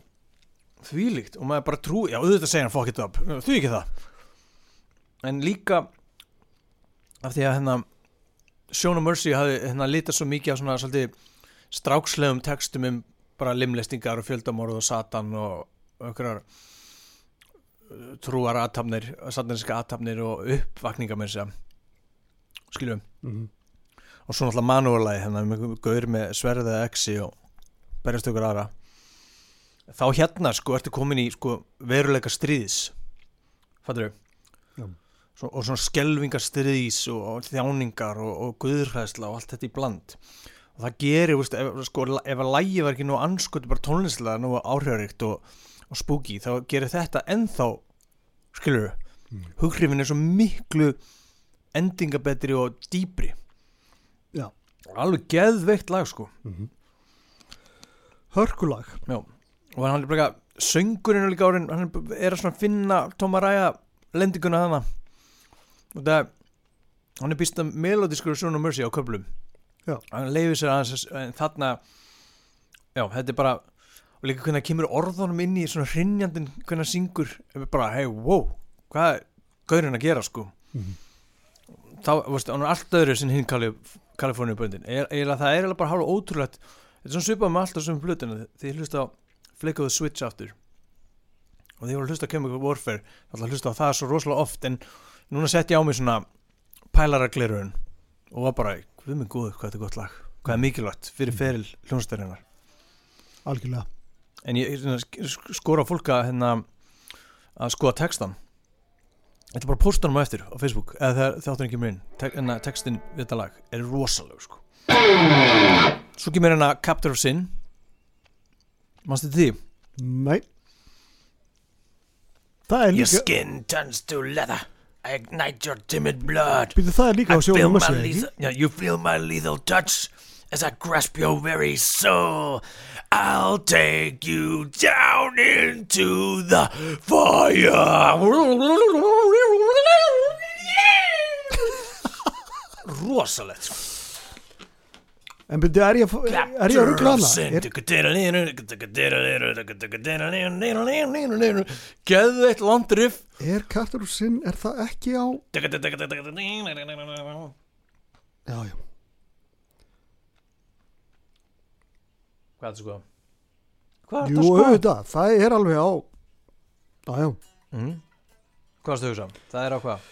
þú ert miklu hrifnari af þessi dóti heldur en ég og miklu tengdar því Já, þannig að halda áfram ein meina, þetta, þetta er líka á Live and Dead sko, þannig að þetta er svona alveg sem, sín, sem rennir stóðum um þetta sem ég sagði á hann, hvað þetta er, gerist á stundum tíma mm. en er samt allt öðru sem Capture of Sin er ekki svo Handin the Chapel næst minnum mig, þennan titilæð uh, sem er kannski veikasti lekkurinn á þessari þröngskju um, en, samt stekt bara alls ekki lýrætt lag. Skilur Mm. Ok. Pleasure Þetta- Nei, menn þetta er geðið mm Þetta er bara ógeðslega mikið svona hvernig myndi íslenska svona statement? Yfirlýsing. Já, yfirlýsingar Já, já, einmitt. Bara nákvæða þetta. Og en mér finnst það samt að Hunted in Chapel náttúrulega fellir í skuggan á þessum tveimur á undan. Af því Hunting Chapel hefur ekki verið spilað mikið veist bara eitthvað á Donington og eitthvað þar sem fólk er yfirleitt að sjá þessu risavexnu hljónstir en þetta er vannmyndi lag. Mm. og það er eitthvað svona hljómar þessu eitthvað sem gæti passa svona milli svona meira midtempo lagan á hérna Rainy Blood og, og hérna sérstaklega Sáðu Heaven sko Mm. skilur þannig að svona það er ekki, það er svona einkynst að, að því sko að það, það veit ekki alveg hvernig á, á að vera sko lagið, það er svona svolítið svona út um allt. En mér finnst það eftirminnilegt áhugavert lag. Og svo kemur Aggressive Perfector. Já. og nú spyr ég sko, ég veit ekki nú eru vinnur okkar Alli Jarl Martin sem hlustar uh, gaumgjafilega á allt sem við segjum. Hann, hann, ég veit ekki, sko Aggressive Perfector er held ég, eins og sögum að fyrsta lagi sem þeir taka upp, er þetta sama upptaka á Metal Massacre plötunni? Veistu það, það er alltaf öðruvísi hljómur á þessu heldur en heldur en Capture of Sin og, og hérna Kæri hlustundur sem Warfare. getum við fengið úr þessu skorið bara, bara með því að fara á Facebook í Í hópinn- hópinn Þungarokks þátturinn stokki í eldin Já, ég ætla að nenni og ekki að fá googla. úr þessu skorið. Já, ég ætla ekki að googla það hér. Og ef þetta eru tvær mismunandi útgáður hvor útgáðan er betri? Já, ljómandi. Ég man alltaf eftir í að að þegar bútlegs kom í viðtal á Rástvö þá spilaði eh, Stjúni Kristján Ásvaldsson mm. trommar í bútlegs hann spilaði þetta lag Er ekki að hæfa að spila bútlegslag henni í þættinum, sinna, það væri í þrenninu minni? Ég skal hérna- gefa þeim plássið þar. Svo, svo, svo. Auðfúslega. En ég má til með að nefna í þriðja skipti svo skal ég reyna að hætta að nefna allajarl alltaf á nafn. Mm. en það er eins og ég sé að sænga hjá honum sko, sveimi þá. Ekkert að því, Ekkert að því. ekkert að því. það er bara ljómandi gott. því. nei, það er dásalegt en um, sko, hann er svo vel að sér í öllum svona bæði staðarindum sögum sem byrjar á staðarindum og svona þungarás þjóðsögum. Og nú skulle þið setja mikið fyrirvara og ég ætla að taka mikið tillaup hérna inn í Hunt in the Chapel fræðin en einhver staðar las ég að Gene Hoglan eitt svakalæsti þungarastrómar í sögunar og mjög áberendur stór fígura í ekki bara þrassinu heldur svona ekstrím þróun ekstrím öfga, öfgafulls trommuleiks í þungaraki hann er ekki í Dark Angel á þessu tíma þannig ég veit ekkert hvernig hann kemur inn í líf Dave Lombardo. Lombardo, Lombardo, já. Og Lombardo, sagan segir Lombardo hafi verið að taka upp Hunted in Chapel í í einhver svona trommuherbyggi sem var ekki búið að klára. Já. þannig að það var eiginlega bara sement á gólfinu. Mhm. þetta hljóma mjög þjóðsöglegt þannig að það var engin motta og Dave Lombardo leimur nokkuð fast. Þannig að trommusett er á flegi ferð svo byrtist Gene Hoglan einhvern veginn bara þurri, ég er ekki með þetta reynu bara eins og andu úr andaglasi. Er, er vandamál hér að ferðum? Mhm. hvernig get ég aðstöða þig, Dave Lombardo ég er Gene Hoglan, nú erum við átni vinnir og hann heldur trommusettinu hans einhvern veginn. Þannig að Dave Lombardo geti klárað að spila af áfergju. En einhvern veginn en stort gat í sögunni Mhm. prangar nei, treður Gene Hoglan bassatrúmi 2 upp á Dave Lombardo ok. Og nú skil ég ekki neitt í þessu sögu lengur af því að ég hef alveg séð eldgamla myndir af Dave Lombardo spila á trómusett sem er tvær basstrúmur Mhm. Og Guð veit að fullt af ljónustu voru tvær basstrúmur af því að lítur ókslega vel út. Já. og við vitum líka á, á, á hérna Shown of Mercy hann nánast ekkert um eitthvað svona tvísparkandi störlun á neitt hátt skilur en í Chemical Warfare kemur allt inn bara tvísparkun sko. Og, og svo náttúrulega að miklu ofsa á Hello AIDS. En saga þetta er örglega eitthvað kjafta þannig að allir please en í fjóraskipti leiðrætt okkur.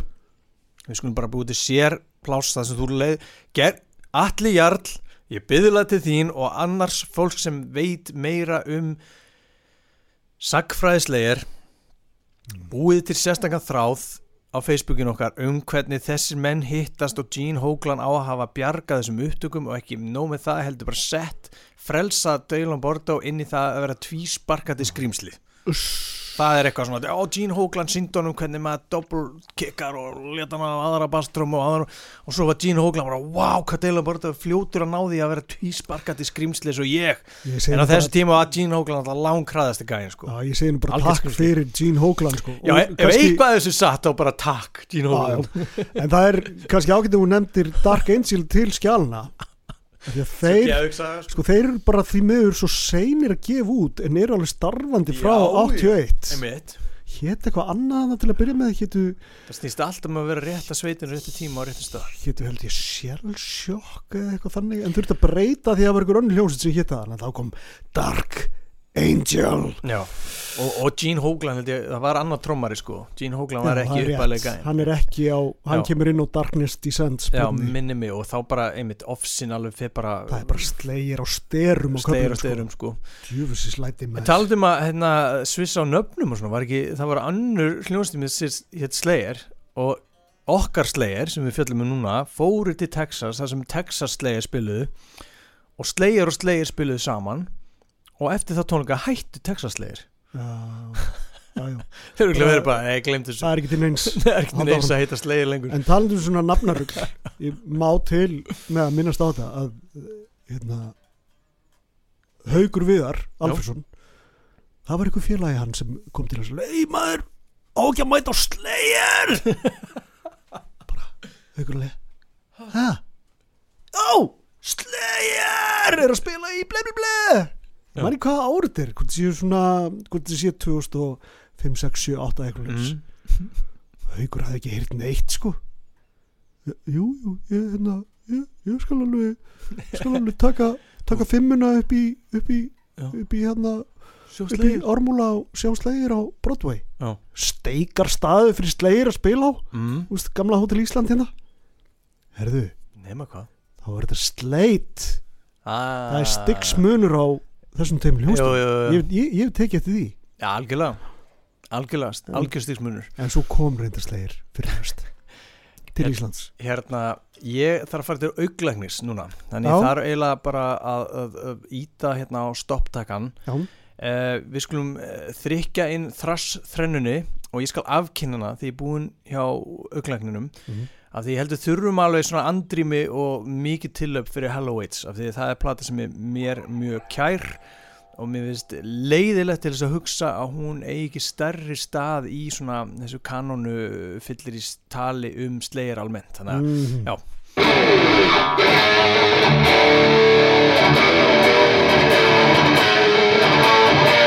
Música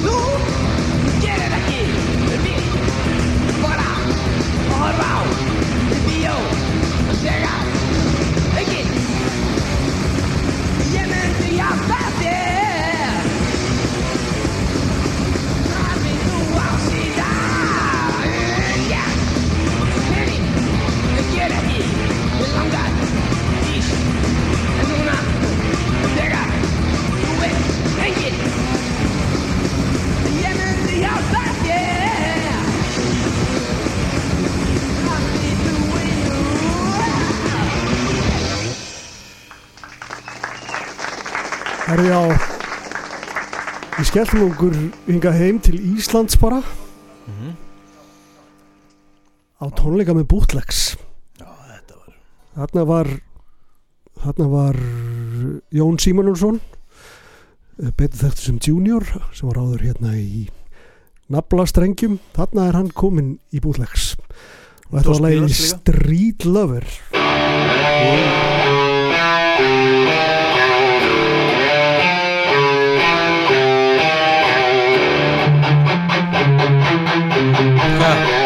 Þetta er mikið bútleis að gera svona tvær já, já, já. uh, svona útgáður af sama riffinu eiginlega. Og slegir hérna, slegir áhrifin. En að við, na, er, við nefndum bútlegs í kila málþættinum þannig að það fyrir vel á því að þeir eru mættir hérna. Já. Þetta eru upptöku sem þú er búin að liggja á lengi og þú er svona lefnt mér að heyra. Áður.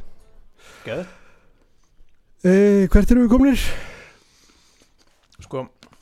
Við erum búin með Live and Dead nei við áttum Live and Dead eftir en svo sem hún, tökum hann ekkert Hún er bara hún, hún er bara hún er bara Sjón og Mercy aftur Já. með einhverjum og Tekið upp í- í hljóðveri.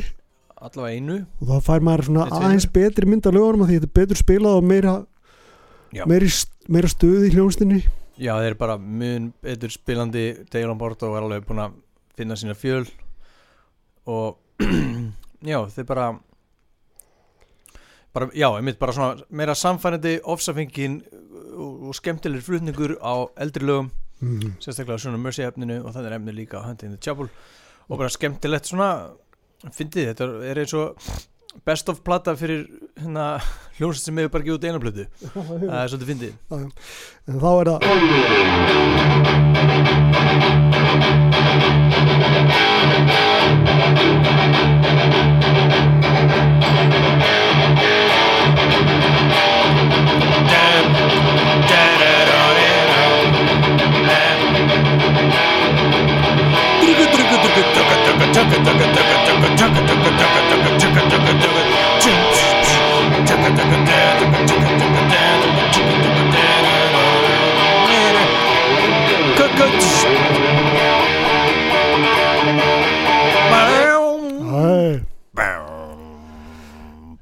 það er tröluvert stökk upp á við þarna hjá Slayer milli Sjónumössi og Hallowits kannski ekkert svo mikið á milli sko Chemical Warfare Nei. lagsins og Hallowits Nú verð ég sko að stíða valega til jarðar og sitja á strák mínum að einhverju leiti og reyna að koma þessu svona eðlilega frá mér því ég, ég er mun meira gýraður en fólk kannski gerir sér grein fyrir. Ég er mjög æstur þegar kemur að, að þessar blödu mm og ég ætla að reyna að gera henni skil, ekki á fræðilegan hátt heldur bara hvernig ég hva, hvað mér finnst um hana. Og hvernig hún hitti mig fyrir bæði þegar bolli og ennþá í dag. Sko, byrjum bara á umslæðinu drott minn dýri. Drotti minn dýri, drengur sæll. Ég myndi segja sko fljó, þannig er kölski mættur. Já, þú líka bara inn í helviti í sko og, og fyrir ungan svein eins og mig að, að fá þetta í hendunar þá er ég veist, Aeromeitin umslögin og Dio voru alveg ljónhörð. Það vant ekki. Og ég hafði alveg séð ég er bara svona að reyna að fara yfir í huganum eitthvað, eitthvað rosalegt fattið mig. En að halda á Hellowitz blöðun minni og, og hlusta á uppafið sem er spila aftur og bakk join us, Mhm. join us og það er ekki lín og bassan svo eitthvað svo rosalegt herbyggisljóð og svo kemur hann og, hva, og hvað er verið að segja þarna? þá segir hann sko welcome back eitthvað svo leiðis Já. welcome back eitthvað svona join us og jú ég held að segja welcome back djöfullin sko. Í mínum huga er þetta bara djöfullin er að segja þetta. Svo finnst mér líka eins og sér sagt í einu hodni sko Slayer, já. Slayer, Slayer. Og hitt þarna join us já já, en minna ímynda þær að sitja með þetta bara einhver pegi um miðan vetur ykkur staðar og gjör alveg með þess að bróðu minn hefur látið mig vera. Mm. hann hefur verið að gera eitthvað annað og bara með þetta umslag þetta, þetta var svo rosalega áhrifamikið. Mannstu hvernig umslæðið er? Eh, svona fljúandi djöflar eða púkar. Já ekki Satan sjálfur, ég, að mér alltaf að þetta verði einhver svona þjónar Satans. Mhm. Og reyna svífandi annað ofan eða upp úr einhverju sprungu helvítis með óhepp, óheppi fólk í mist stjagsett eða og stingi í gönum smetti á þeim með einhverjum oddkvössum prikum og það er allt svona appisum gult og brunt og sér þetta?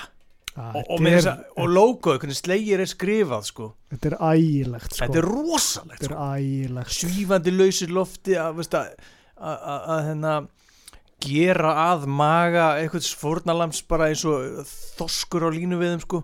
Mhm. ég, ég borðið ykkur línu bát það var búið að opna magan og rífa inniblinn Akkúrat. og garnin úr viðkomandi og byrjunin á þessu lægi veist, þetta var rosalegt sko. Rú, Og er rosalegt. nýð, nýðþungt helvítis helvíti Ég- ógeðslega þungt sko. Mhm. og, og þetta er svo þetta er svo hérna, góð, gott og rökrétt framhald af Chemical Warfare Já. og líka byrja að láta plötuna taka svona langan tíma að byrja Mhm. og veitum við hvað er að ég held að sé alveg þrjá, meirið þrjára mínúti okkur til Tom kemur Já, já, og syngur það er hellingur sko Já. þannig að þetta er alveg mjög svona hugrækt af þeim sína mikið hugrækið hana Mhm. og svo er þetta bara gríðarlega yfirlýsing bara þetta þrass, allir hressu þrassarnir vinnir okkar þeir eru kátir kátir strákar Mhm.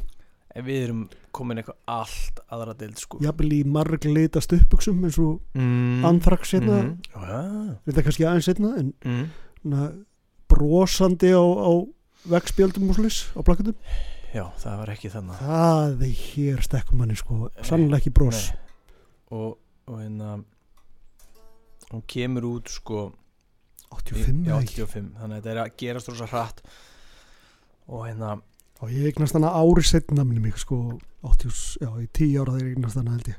og þarna er þriðja lagi eins og ég sagði hann sem ég heyrði, eh, þriðja slegi lagi mitt eh, er hérna Kill Again er hérna og um, ég líka sagt að hljónstið mín gamla, I Adapt við byrjuðum endurkomin tónleika okkar á Hello It's á, á hérna eisnafli og vöndum okkur rosalega vel og ég séð þetta upptökum og Mhm. gerum þetta vel og það að, að, að, hérna, fór ekkert að meðlega mála hvað við vorum að spila en þá sá ég líka, voru ekkert mörg sem eru Hello Aids uh, megin lífnu og, Mhm. og svona út í sal skilju fólk var þetta slamma á í stuði bara en það var örugglega- haldið að þetta var bara eitthvað grjótart uh, eitthvað, eitthvað fors, forspil, grjótart forspil frá okkur sko Já. og ég fór svo mikið hann að þetta þegar strákanum var að spila þetta ég hérna, stappaði svo oft í hennar og ég gera svo fast að ég fekk eitthvað djöfusist tak í mjóbaki sko. Nei, og það handónir eftir þetta. Þursabitt og hérna um, um, já og, emitt, þetta er mikil yfirlýsing að byrja á, á þennan hátt. Og lagið er sko með afbreyðum gott. Og en, en, en með viðbröðun út í sal þetta segir þetta ekki neitt en segir þó einhverja sögu af því að mér finnst þessi plata aldrei fá það pláss sem hún á skilið. Ég get til dæmis aldrei talað um Def Jam plutunar án þess að taka Halloween með.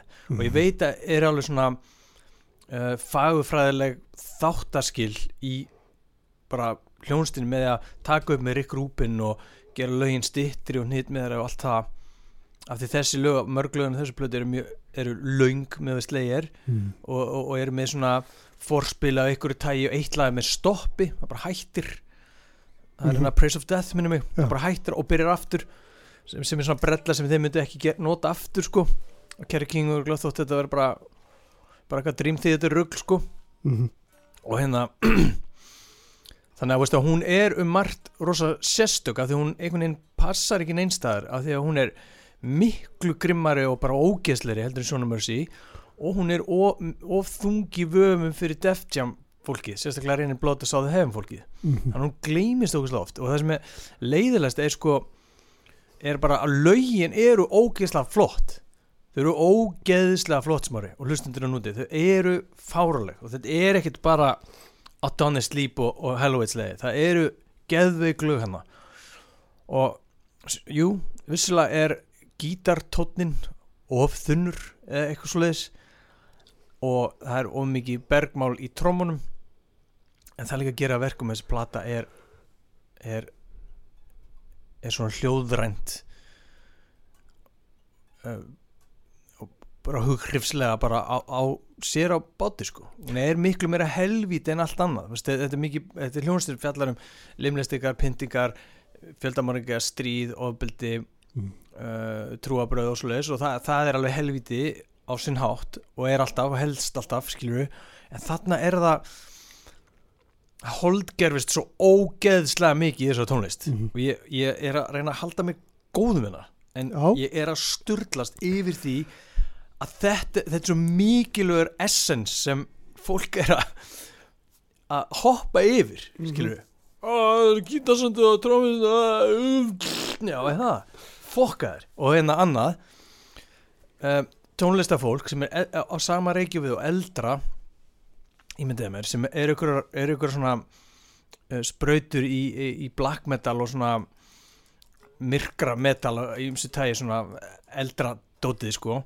Ég held að það fólk hafi verið innblásið af þessar blödu skilur Já. með að hafa þessi mjói gítatón, trommudót hvernig Tómar Ægir syngur og allt þetta helvít, ég held að það hafi haft miklu meiri áhrif en þau eru bara ekki eins greinleg, ég held að það hafi rosa mikið áhrif á uh, tónlistafólk sem að við öll núna sem erum að skrifa blö, blö, í blöð eða gera bækur og fara yfir söguna erum alveg, já þetta er algjörum mistarar og lalalala, einhver black metal gæri í Núri og þessi í Svíþjóð og allt þetta einhver grískur gaur skilur ég held að þessi plata hafi verið risastór fyrir þetta fólk. Já.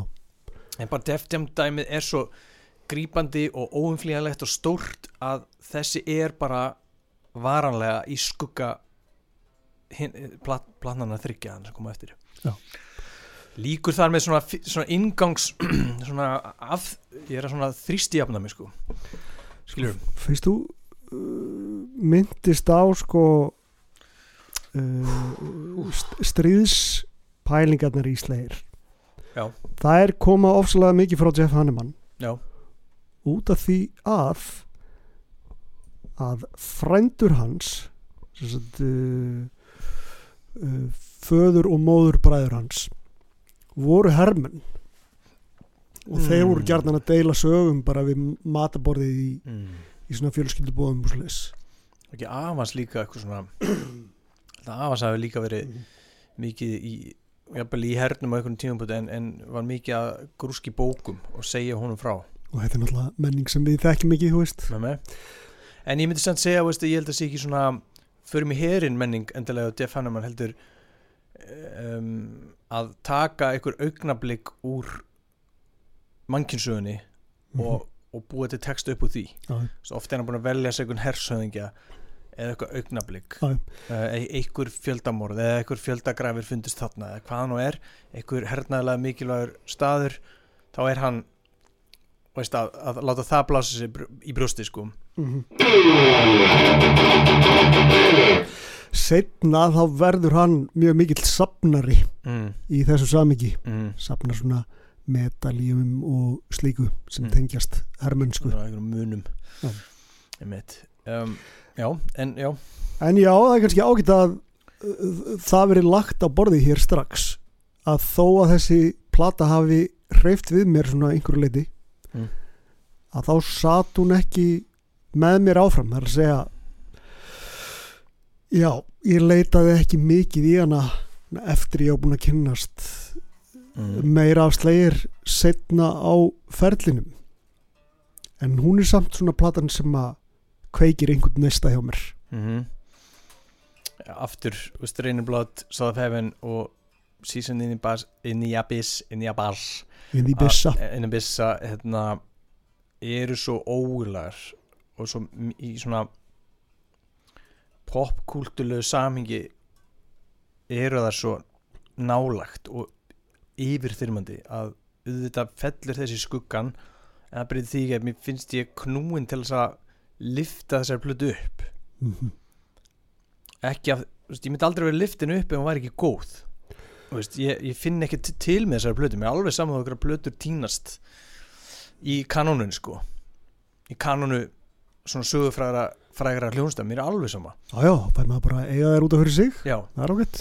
En ég meina sko, fólk er að, er, er að hérna, bre- brenna af í dauðafæri að hérna, ef þau eru að hlusta núna og hafi ekki veist, leið með þessar plötu bara í myrkrinu með heyrnatól frá Luxor þá eru þau að, að, hérna, að svíkja sjálf ykkur um, um virkilega vænan bytta sko. af því að þetta er alveg með ólíkindum hvað þetta er ill, ill plata og ég er ekkert vissum að þeir hafa aftur náða að skap, endurskapa eitthvað ílsku af þessu tægi sko. það er eiginlega bara, já, ég eiginlega bara segi það fullum fytum, þeir hafa bara aldrei er reynir blöð er alveg ill á köplum en hún er rosalega ofsafingin og, og, og eftirminnilega með sín skilur sérkenni en þetta er bara í lang, lang, lang, lang mest, mesta ílskan smári. Kýli minna það smá steikar ílsku Býtu Nei,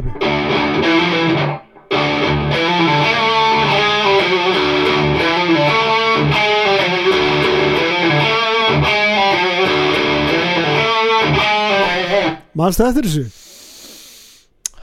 Nú ertu búin að setja mig á á hérna Er, er, er takturinn svona? Má sjá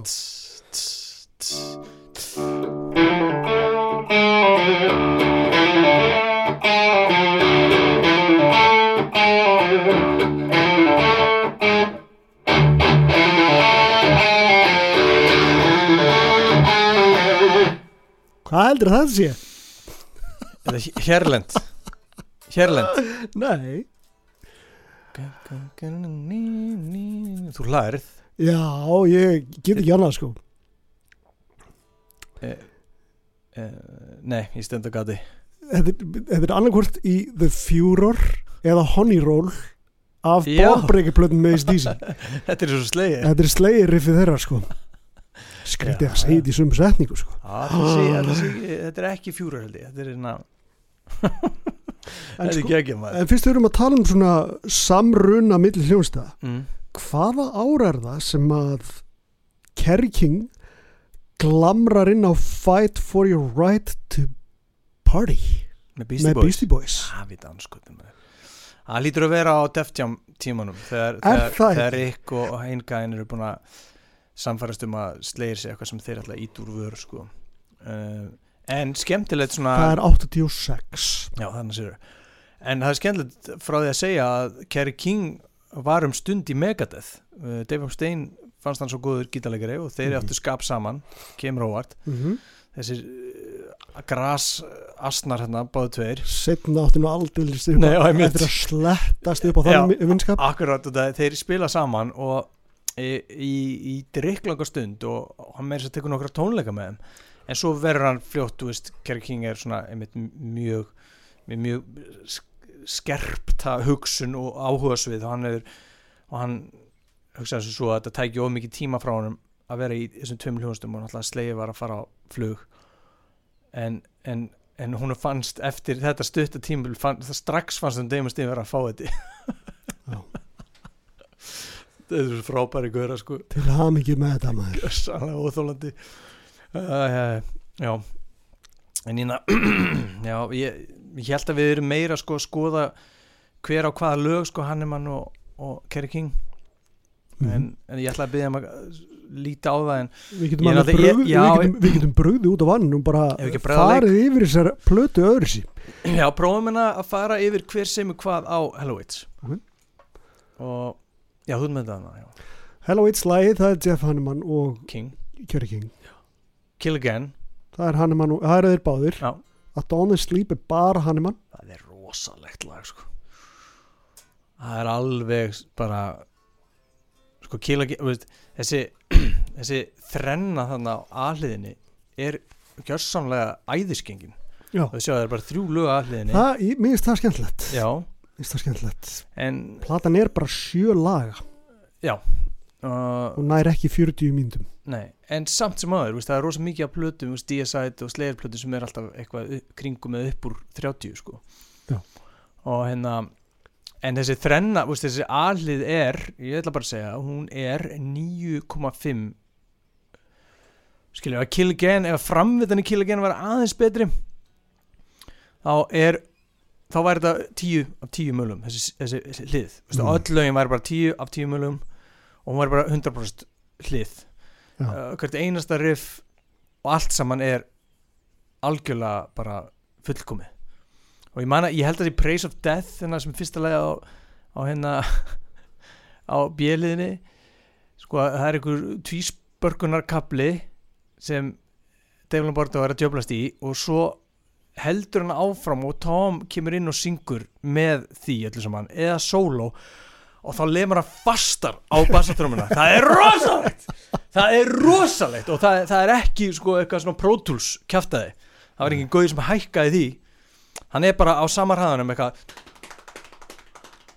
Svo bara keirir þetta sko. Keirir á Satan.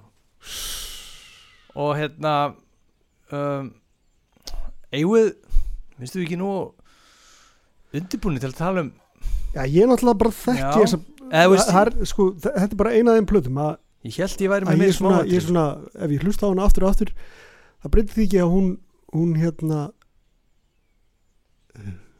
hún mér hvað? finnst langt best að nota hugtaki, hún sest hún sest ekki. Já, hún bara stendur áfram og er- lalala. já, hún er alveg bara liggur inn í sálina með þessi plata. Og, og hérna, það var eitthvað svona sko, At Dawn the Sleep.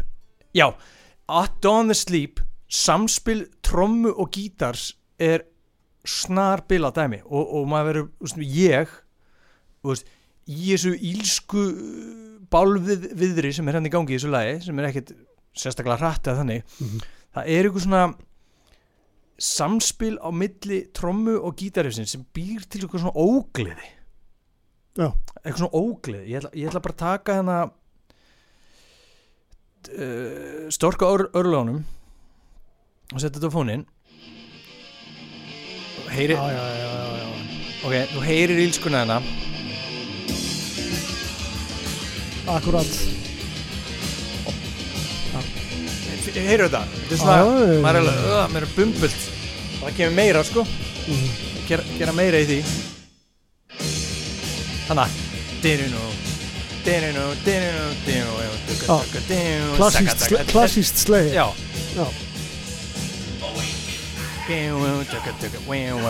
Við erum, að, að reyna að fara vallega í að spila löga því að við, við komum staði hérna áðan hlustu góður að við ætlum að spila lög að night þá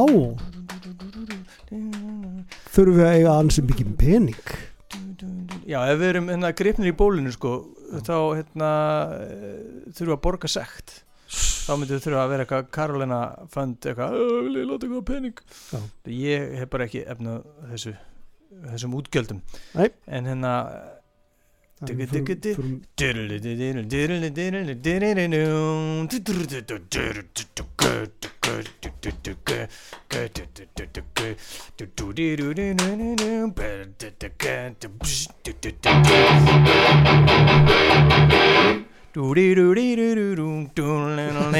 Það er grísa á Centuries of horror Svo kemur röðin Kill, kill, kill Kill Alveg Og Já, ég reynda fór ekkert í Kill, kill Again Homicide Maniac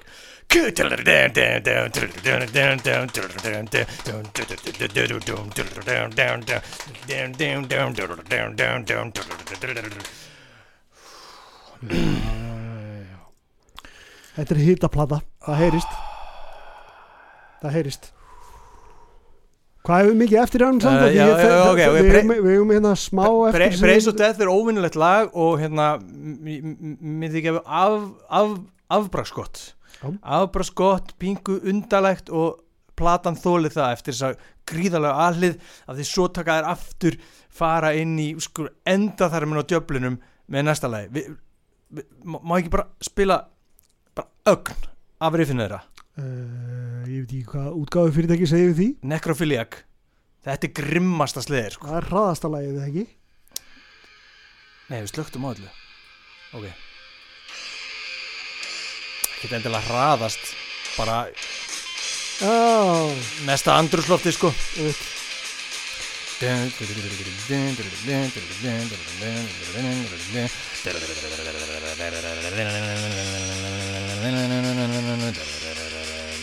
Svo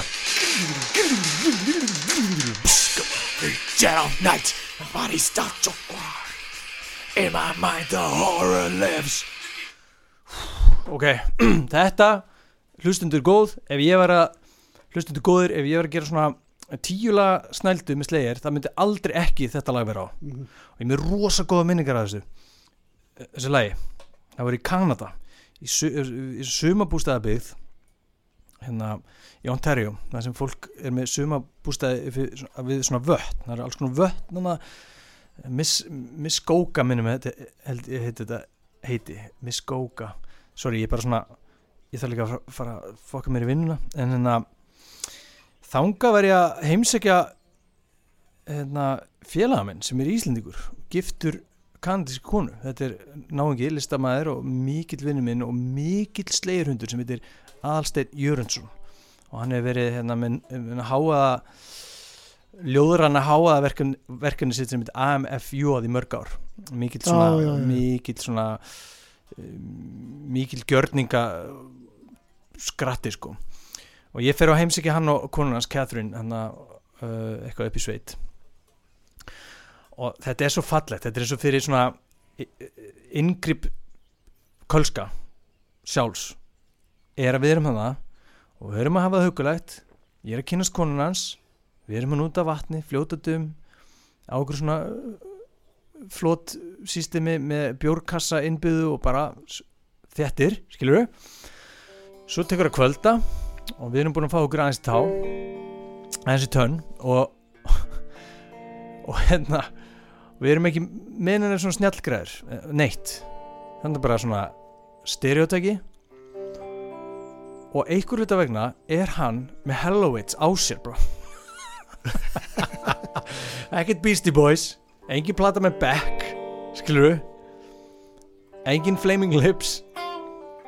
Engin veist það er bara Hallowitz og við hlustum á þessa plötu aftur og aftur og alltaf var þetta lag Necrophilia sem var svona það sem hitt okkur svo ógeðislega harkalega fyrir sko. við bara endalust fabulegur um, um þetta lag um textan, anskotum verið í gangi að þetta verið slegir eins einfaldir þau geta verið en samt eins djöfulegir.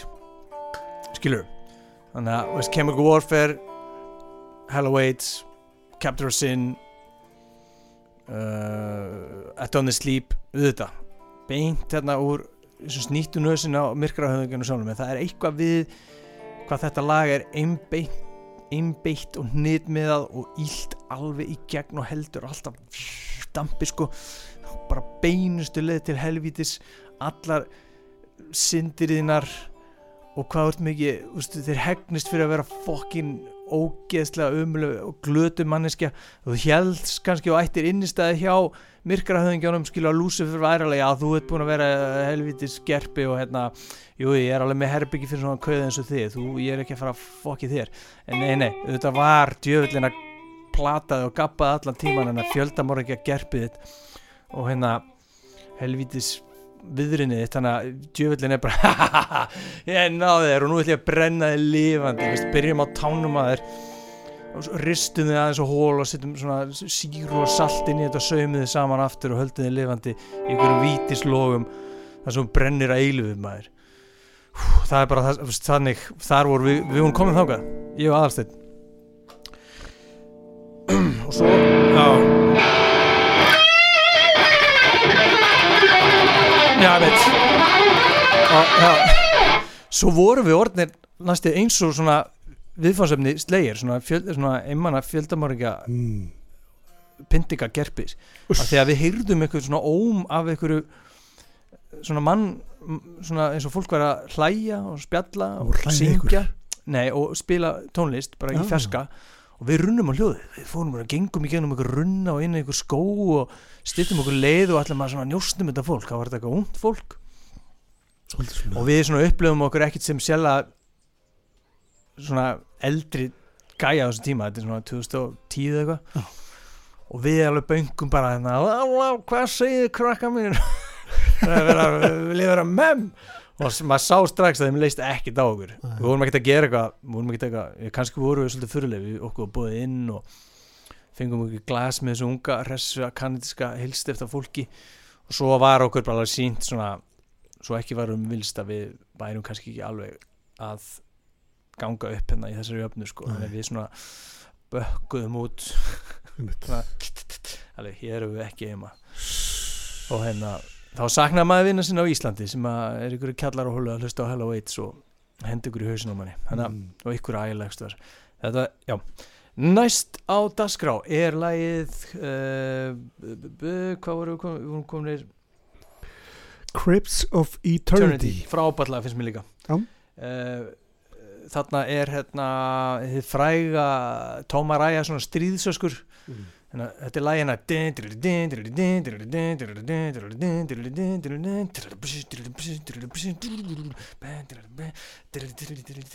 og hérna það kemur svona og hann tekur svona rosalegt svona eins og öskrin sem ég er búin að reyna svona alveg Svona hátt rosalega er hátt alveg hærra nei, nei, nei, nei, hærra en Rob Halford og allt svona Já, já, Já, þannig hátt, manstu ekki eftir þessu? tekur þetta ég nokkru hann aða til að gera þetta á tónleiku líka og svo er hann alltaf alfæri hættur þessu en hann tekur hann svona langt svona. Þeir, stríðsöks öskur sem minnir mig alltaf á gaurin, aðal gaurin í hérna uh, teiknumyndinni Fire and Ice sem er að hérna, búið að útrýma fólkin hans og hann er svona hleypur inn í dauðan og berst við alls konar lið bara með eitt sverð og hann er ekki inn innum fötum með neitt, hann er bara í, í hérna brók þetta er rosa mikið svona Rob Halford, Judas Priest já, eh, glam öskur stemmar á öskur hann sko. en það er svo ílt í þessu samingi það fer svo vel ílskunni að, hann er ekki að syngja eitthvað svona línur með þessu, þessu rödd heldur fer hann bara með svona öskri svona, ég, feigðar öskur þetta er svona feigð í þessu. Skilur, þetta skilja mig? Mm ok, uh, svo er það hérna hardening, hardening of the arteries lagið sem er svona sísta lokala plötunar og svona sísta lagið en það er merkilegt fyrir þess að það, þar komaði sko heim mm. á, á, á máta sem er svona harla óvinnilegur þegar því að Hello Aids byrjunin byrjar aftur.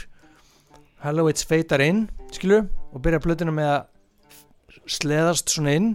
Svo sleðast það út þannig Já. mjög töff sko. Mm. og það er eh, svona að hlakka en maður er alltaf spenntur að heyra það en svona lægi sem slíkt er ekkit sérlega gott Mm. en ég meina ég get ekki svona kallað hund Eh, Þannig að ef þetta er hundalaus plata Meina Ég veit ekki hvað að segja við ykkur. Ég uh, hún er allavega ansi mörgum stökkum fyrir ofan mörgum þrepum fyrir ofan Sjó. Já, já, og bara fyrir þetta, Þeir eru alveg sér á báti þannig að svo verðar aftur sér á báti og Def Jam áránum en, en aftur, veist, við verðum að búa til pláss fyrir þessa plötu í annál annálum sögunar skur. það þýr ekki alltaf að tala ekki með þessa plötu af því hún er svo öðruvísi hún er öð, öðruvísi hún er öðruvísi en stórkostleg Mm. við, þetta er bara þetta er bara fásinna sko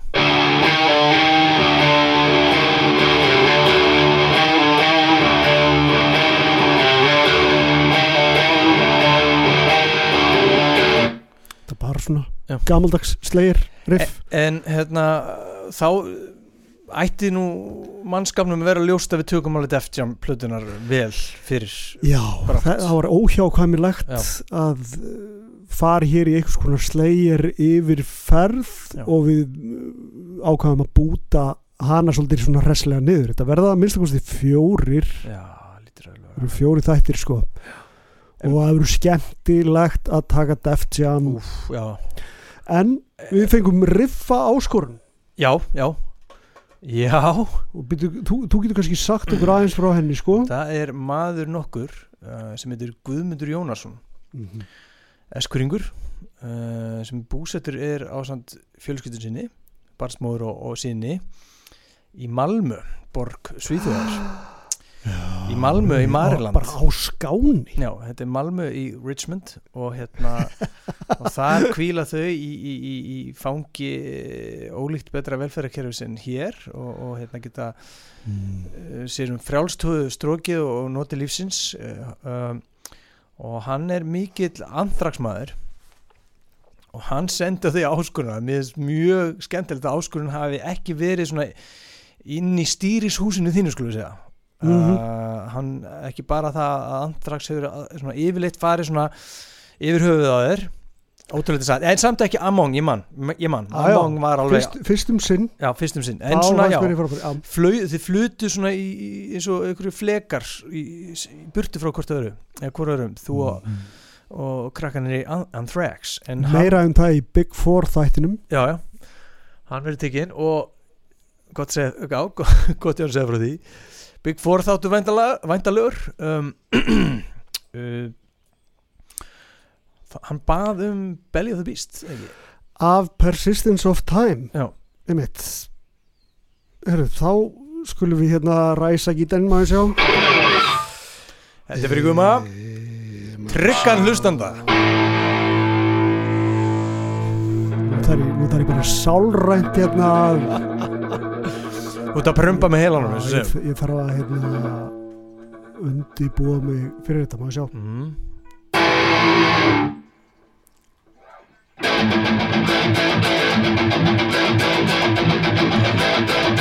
Oj.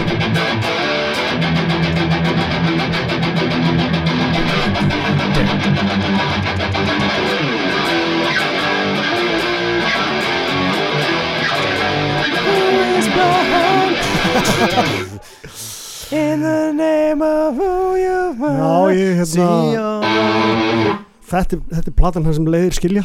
Já, hjá mér og anþrax rosa kúabillu trómutaturinn að maður.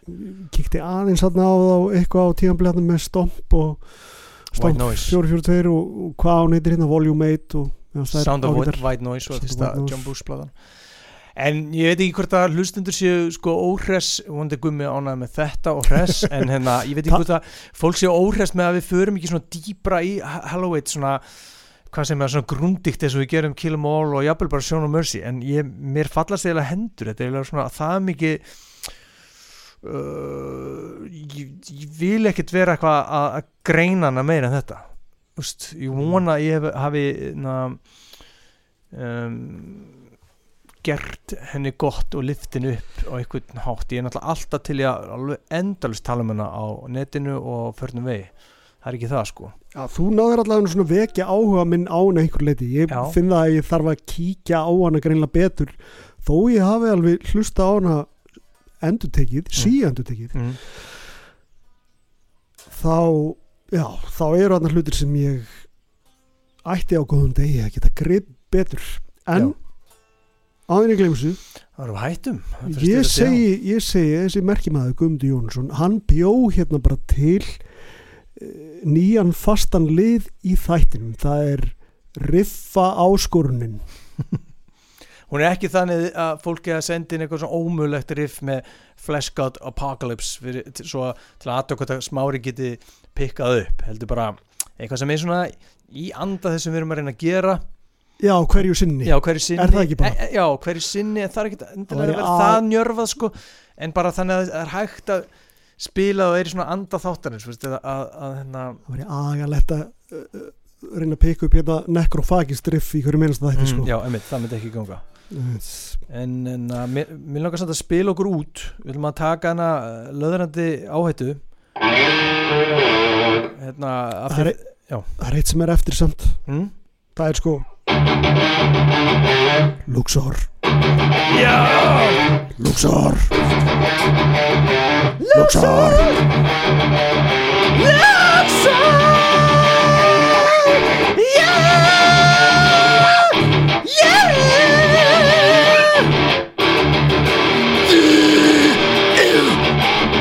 Ég fer í Luxor Þegar mér vantar heyrnatól Og aðstof með hljóðmynd. Uh. Nei, en að Luxor. Luxor. Stiður okkur í Bak. sto stokkið í eldin þungar á stættinum. Heldur betur. Mikrofóna, ég ætla ekki að segja heldur betur að fokkin lúða fyrir ekki. Hljóðnemar og hljóðblöndunartæki og statíf. Ég ætla að fá hljóðblandara Já, En meina, allt sem er sjáuð fyrir ykkur að liggi þarna upp á sviðum og, hangað úr loftum á einhverju bestu tónleikunum sem þið fara á. Græjur, snúrur, statíf, svið uh, hátalar upp á sviði, hátalar út í sal uh, mixeraborð uh, splittera hennar dótið með ljósi og hljóðu þetta. Allt, veist þetta.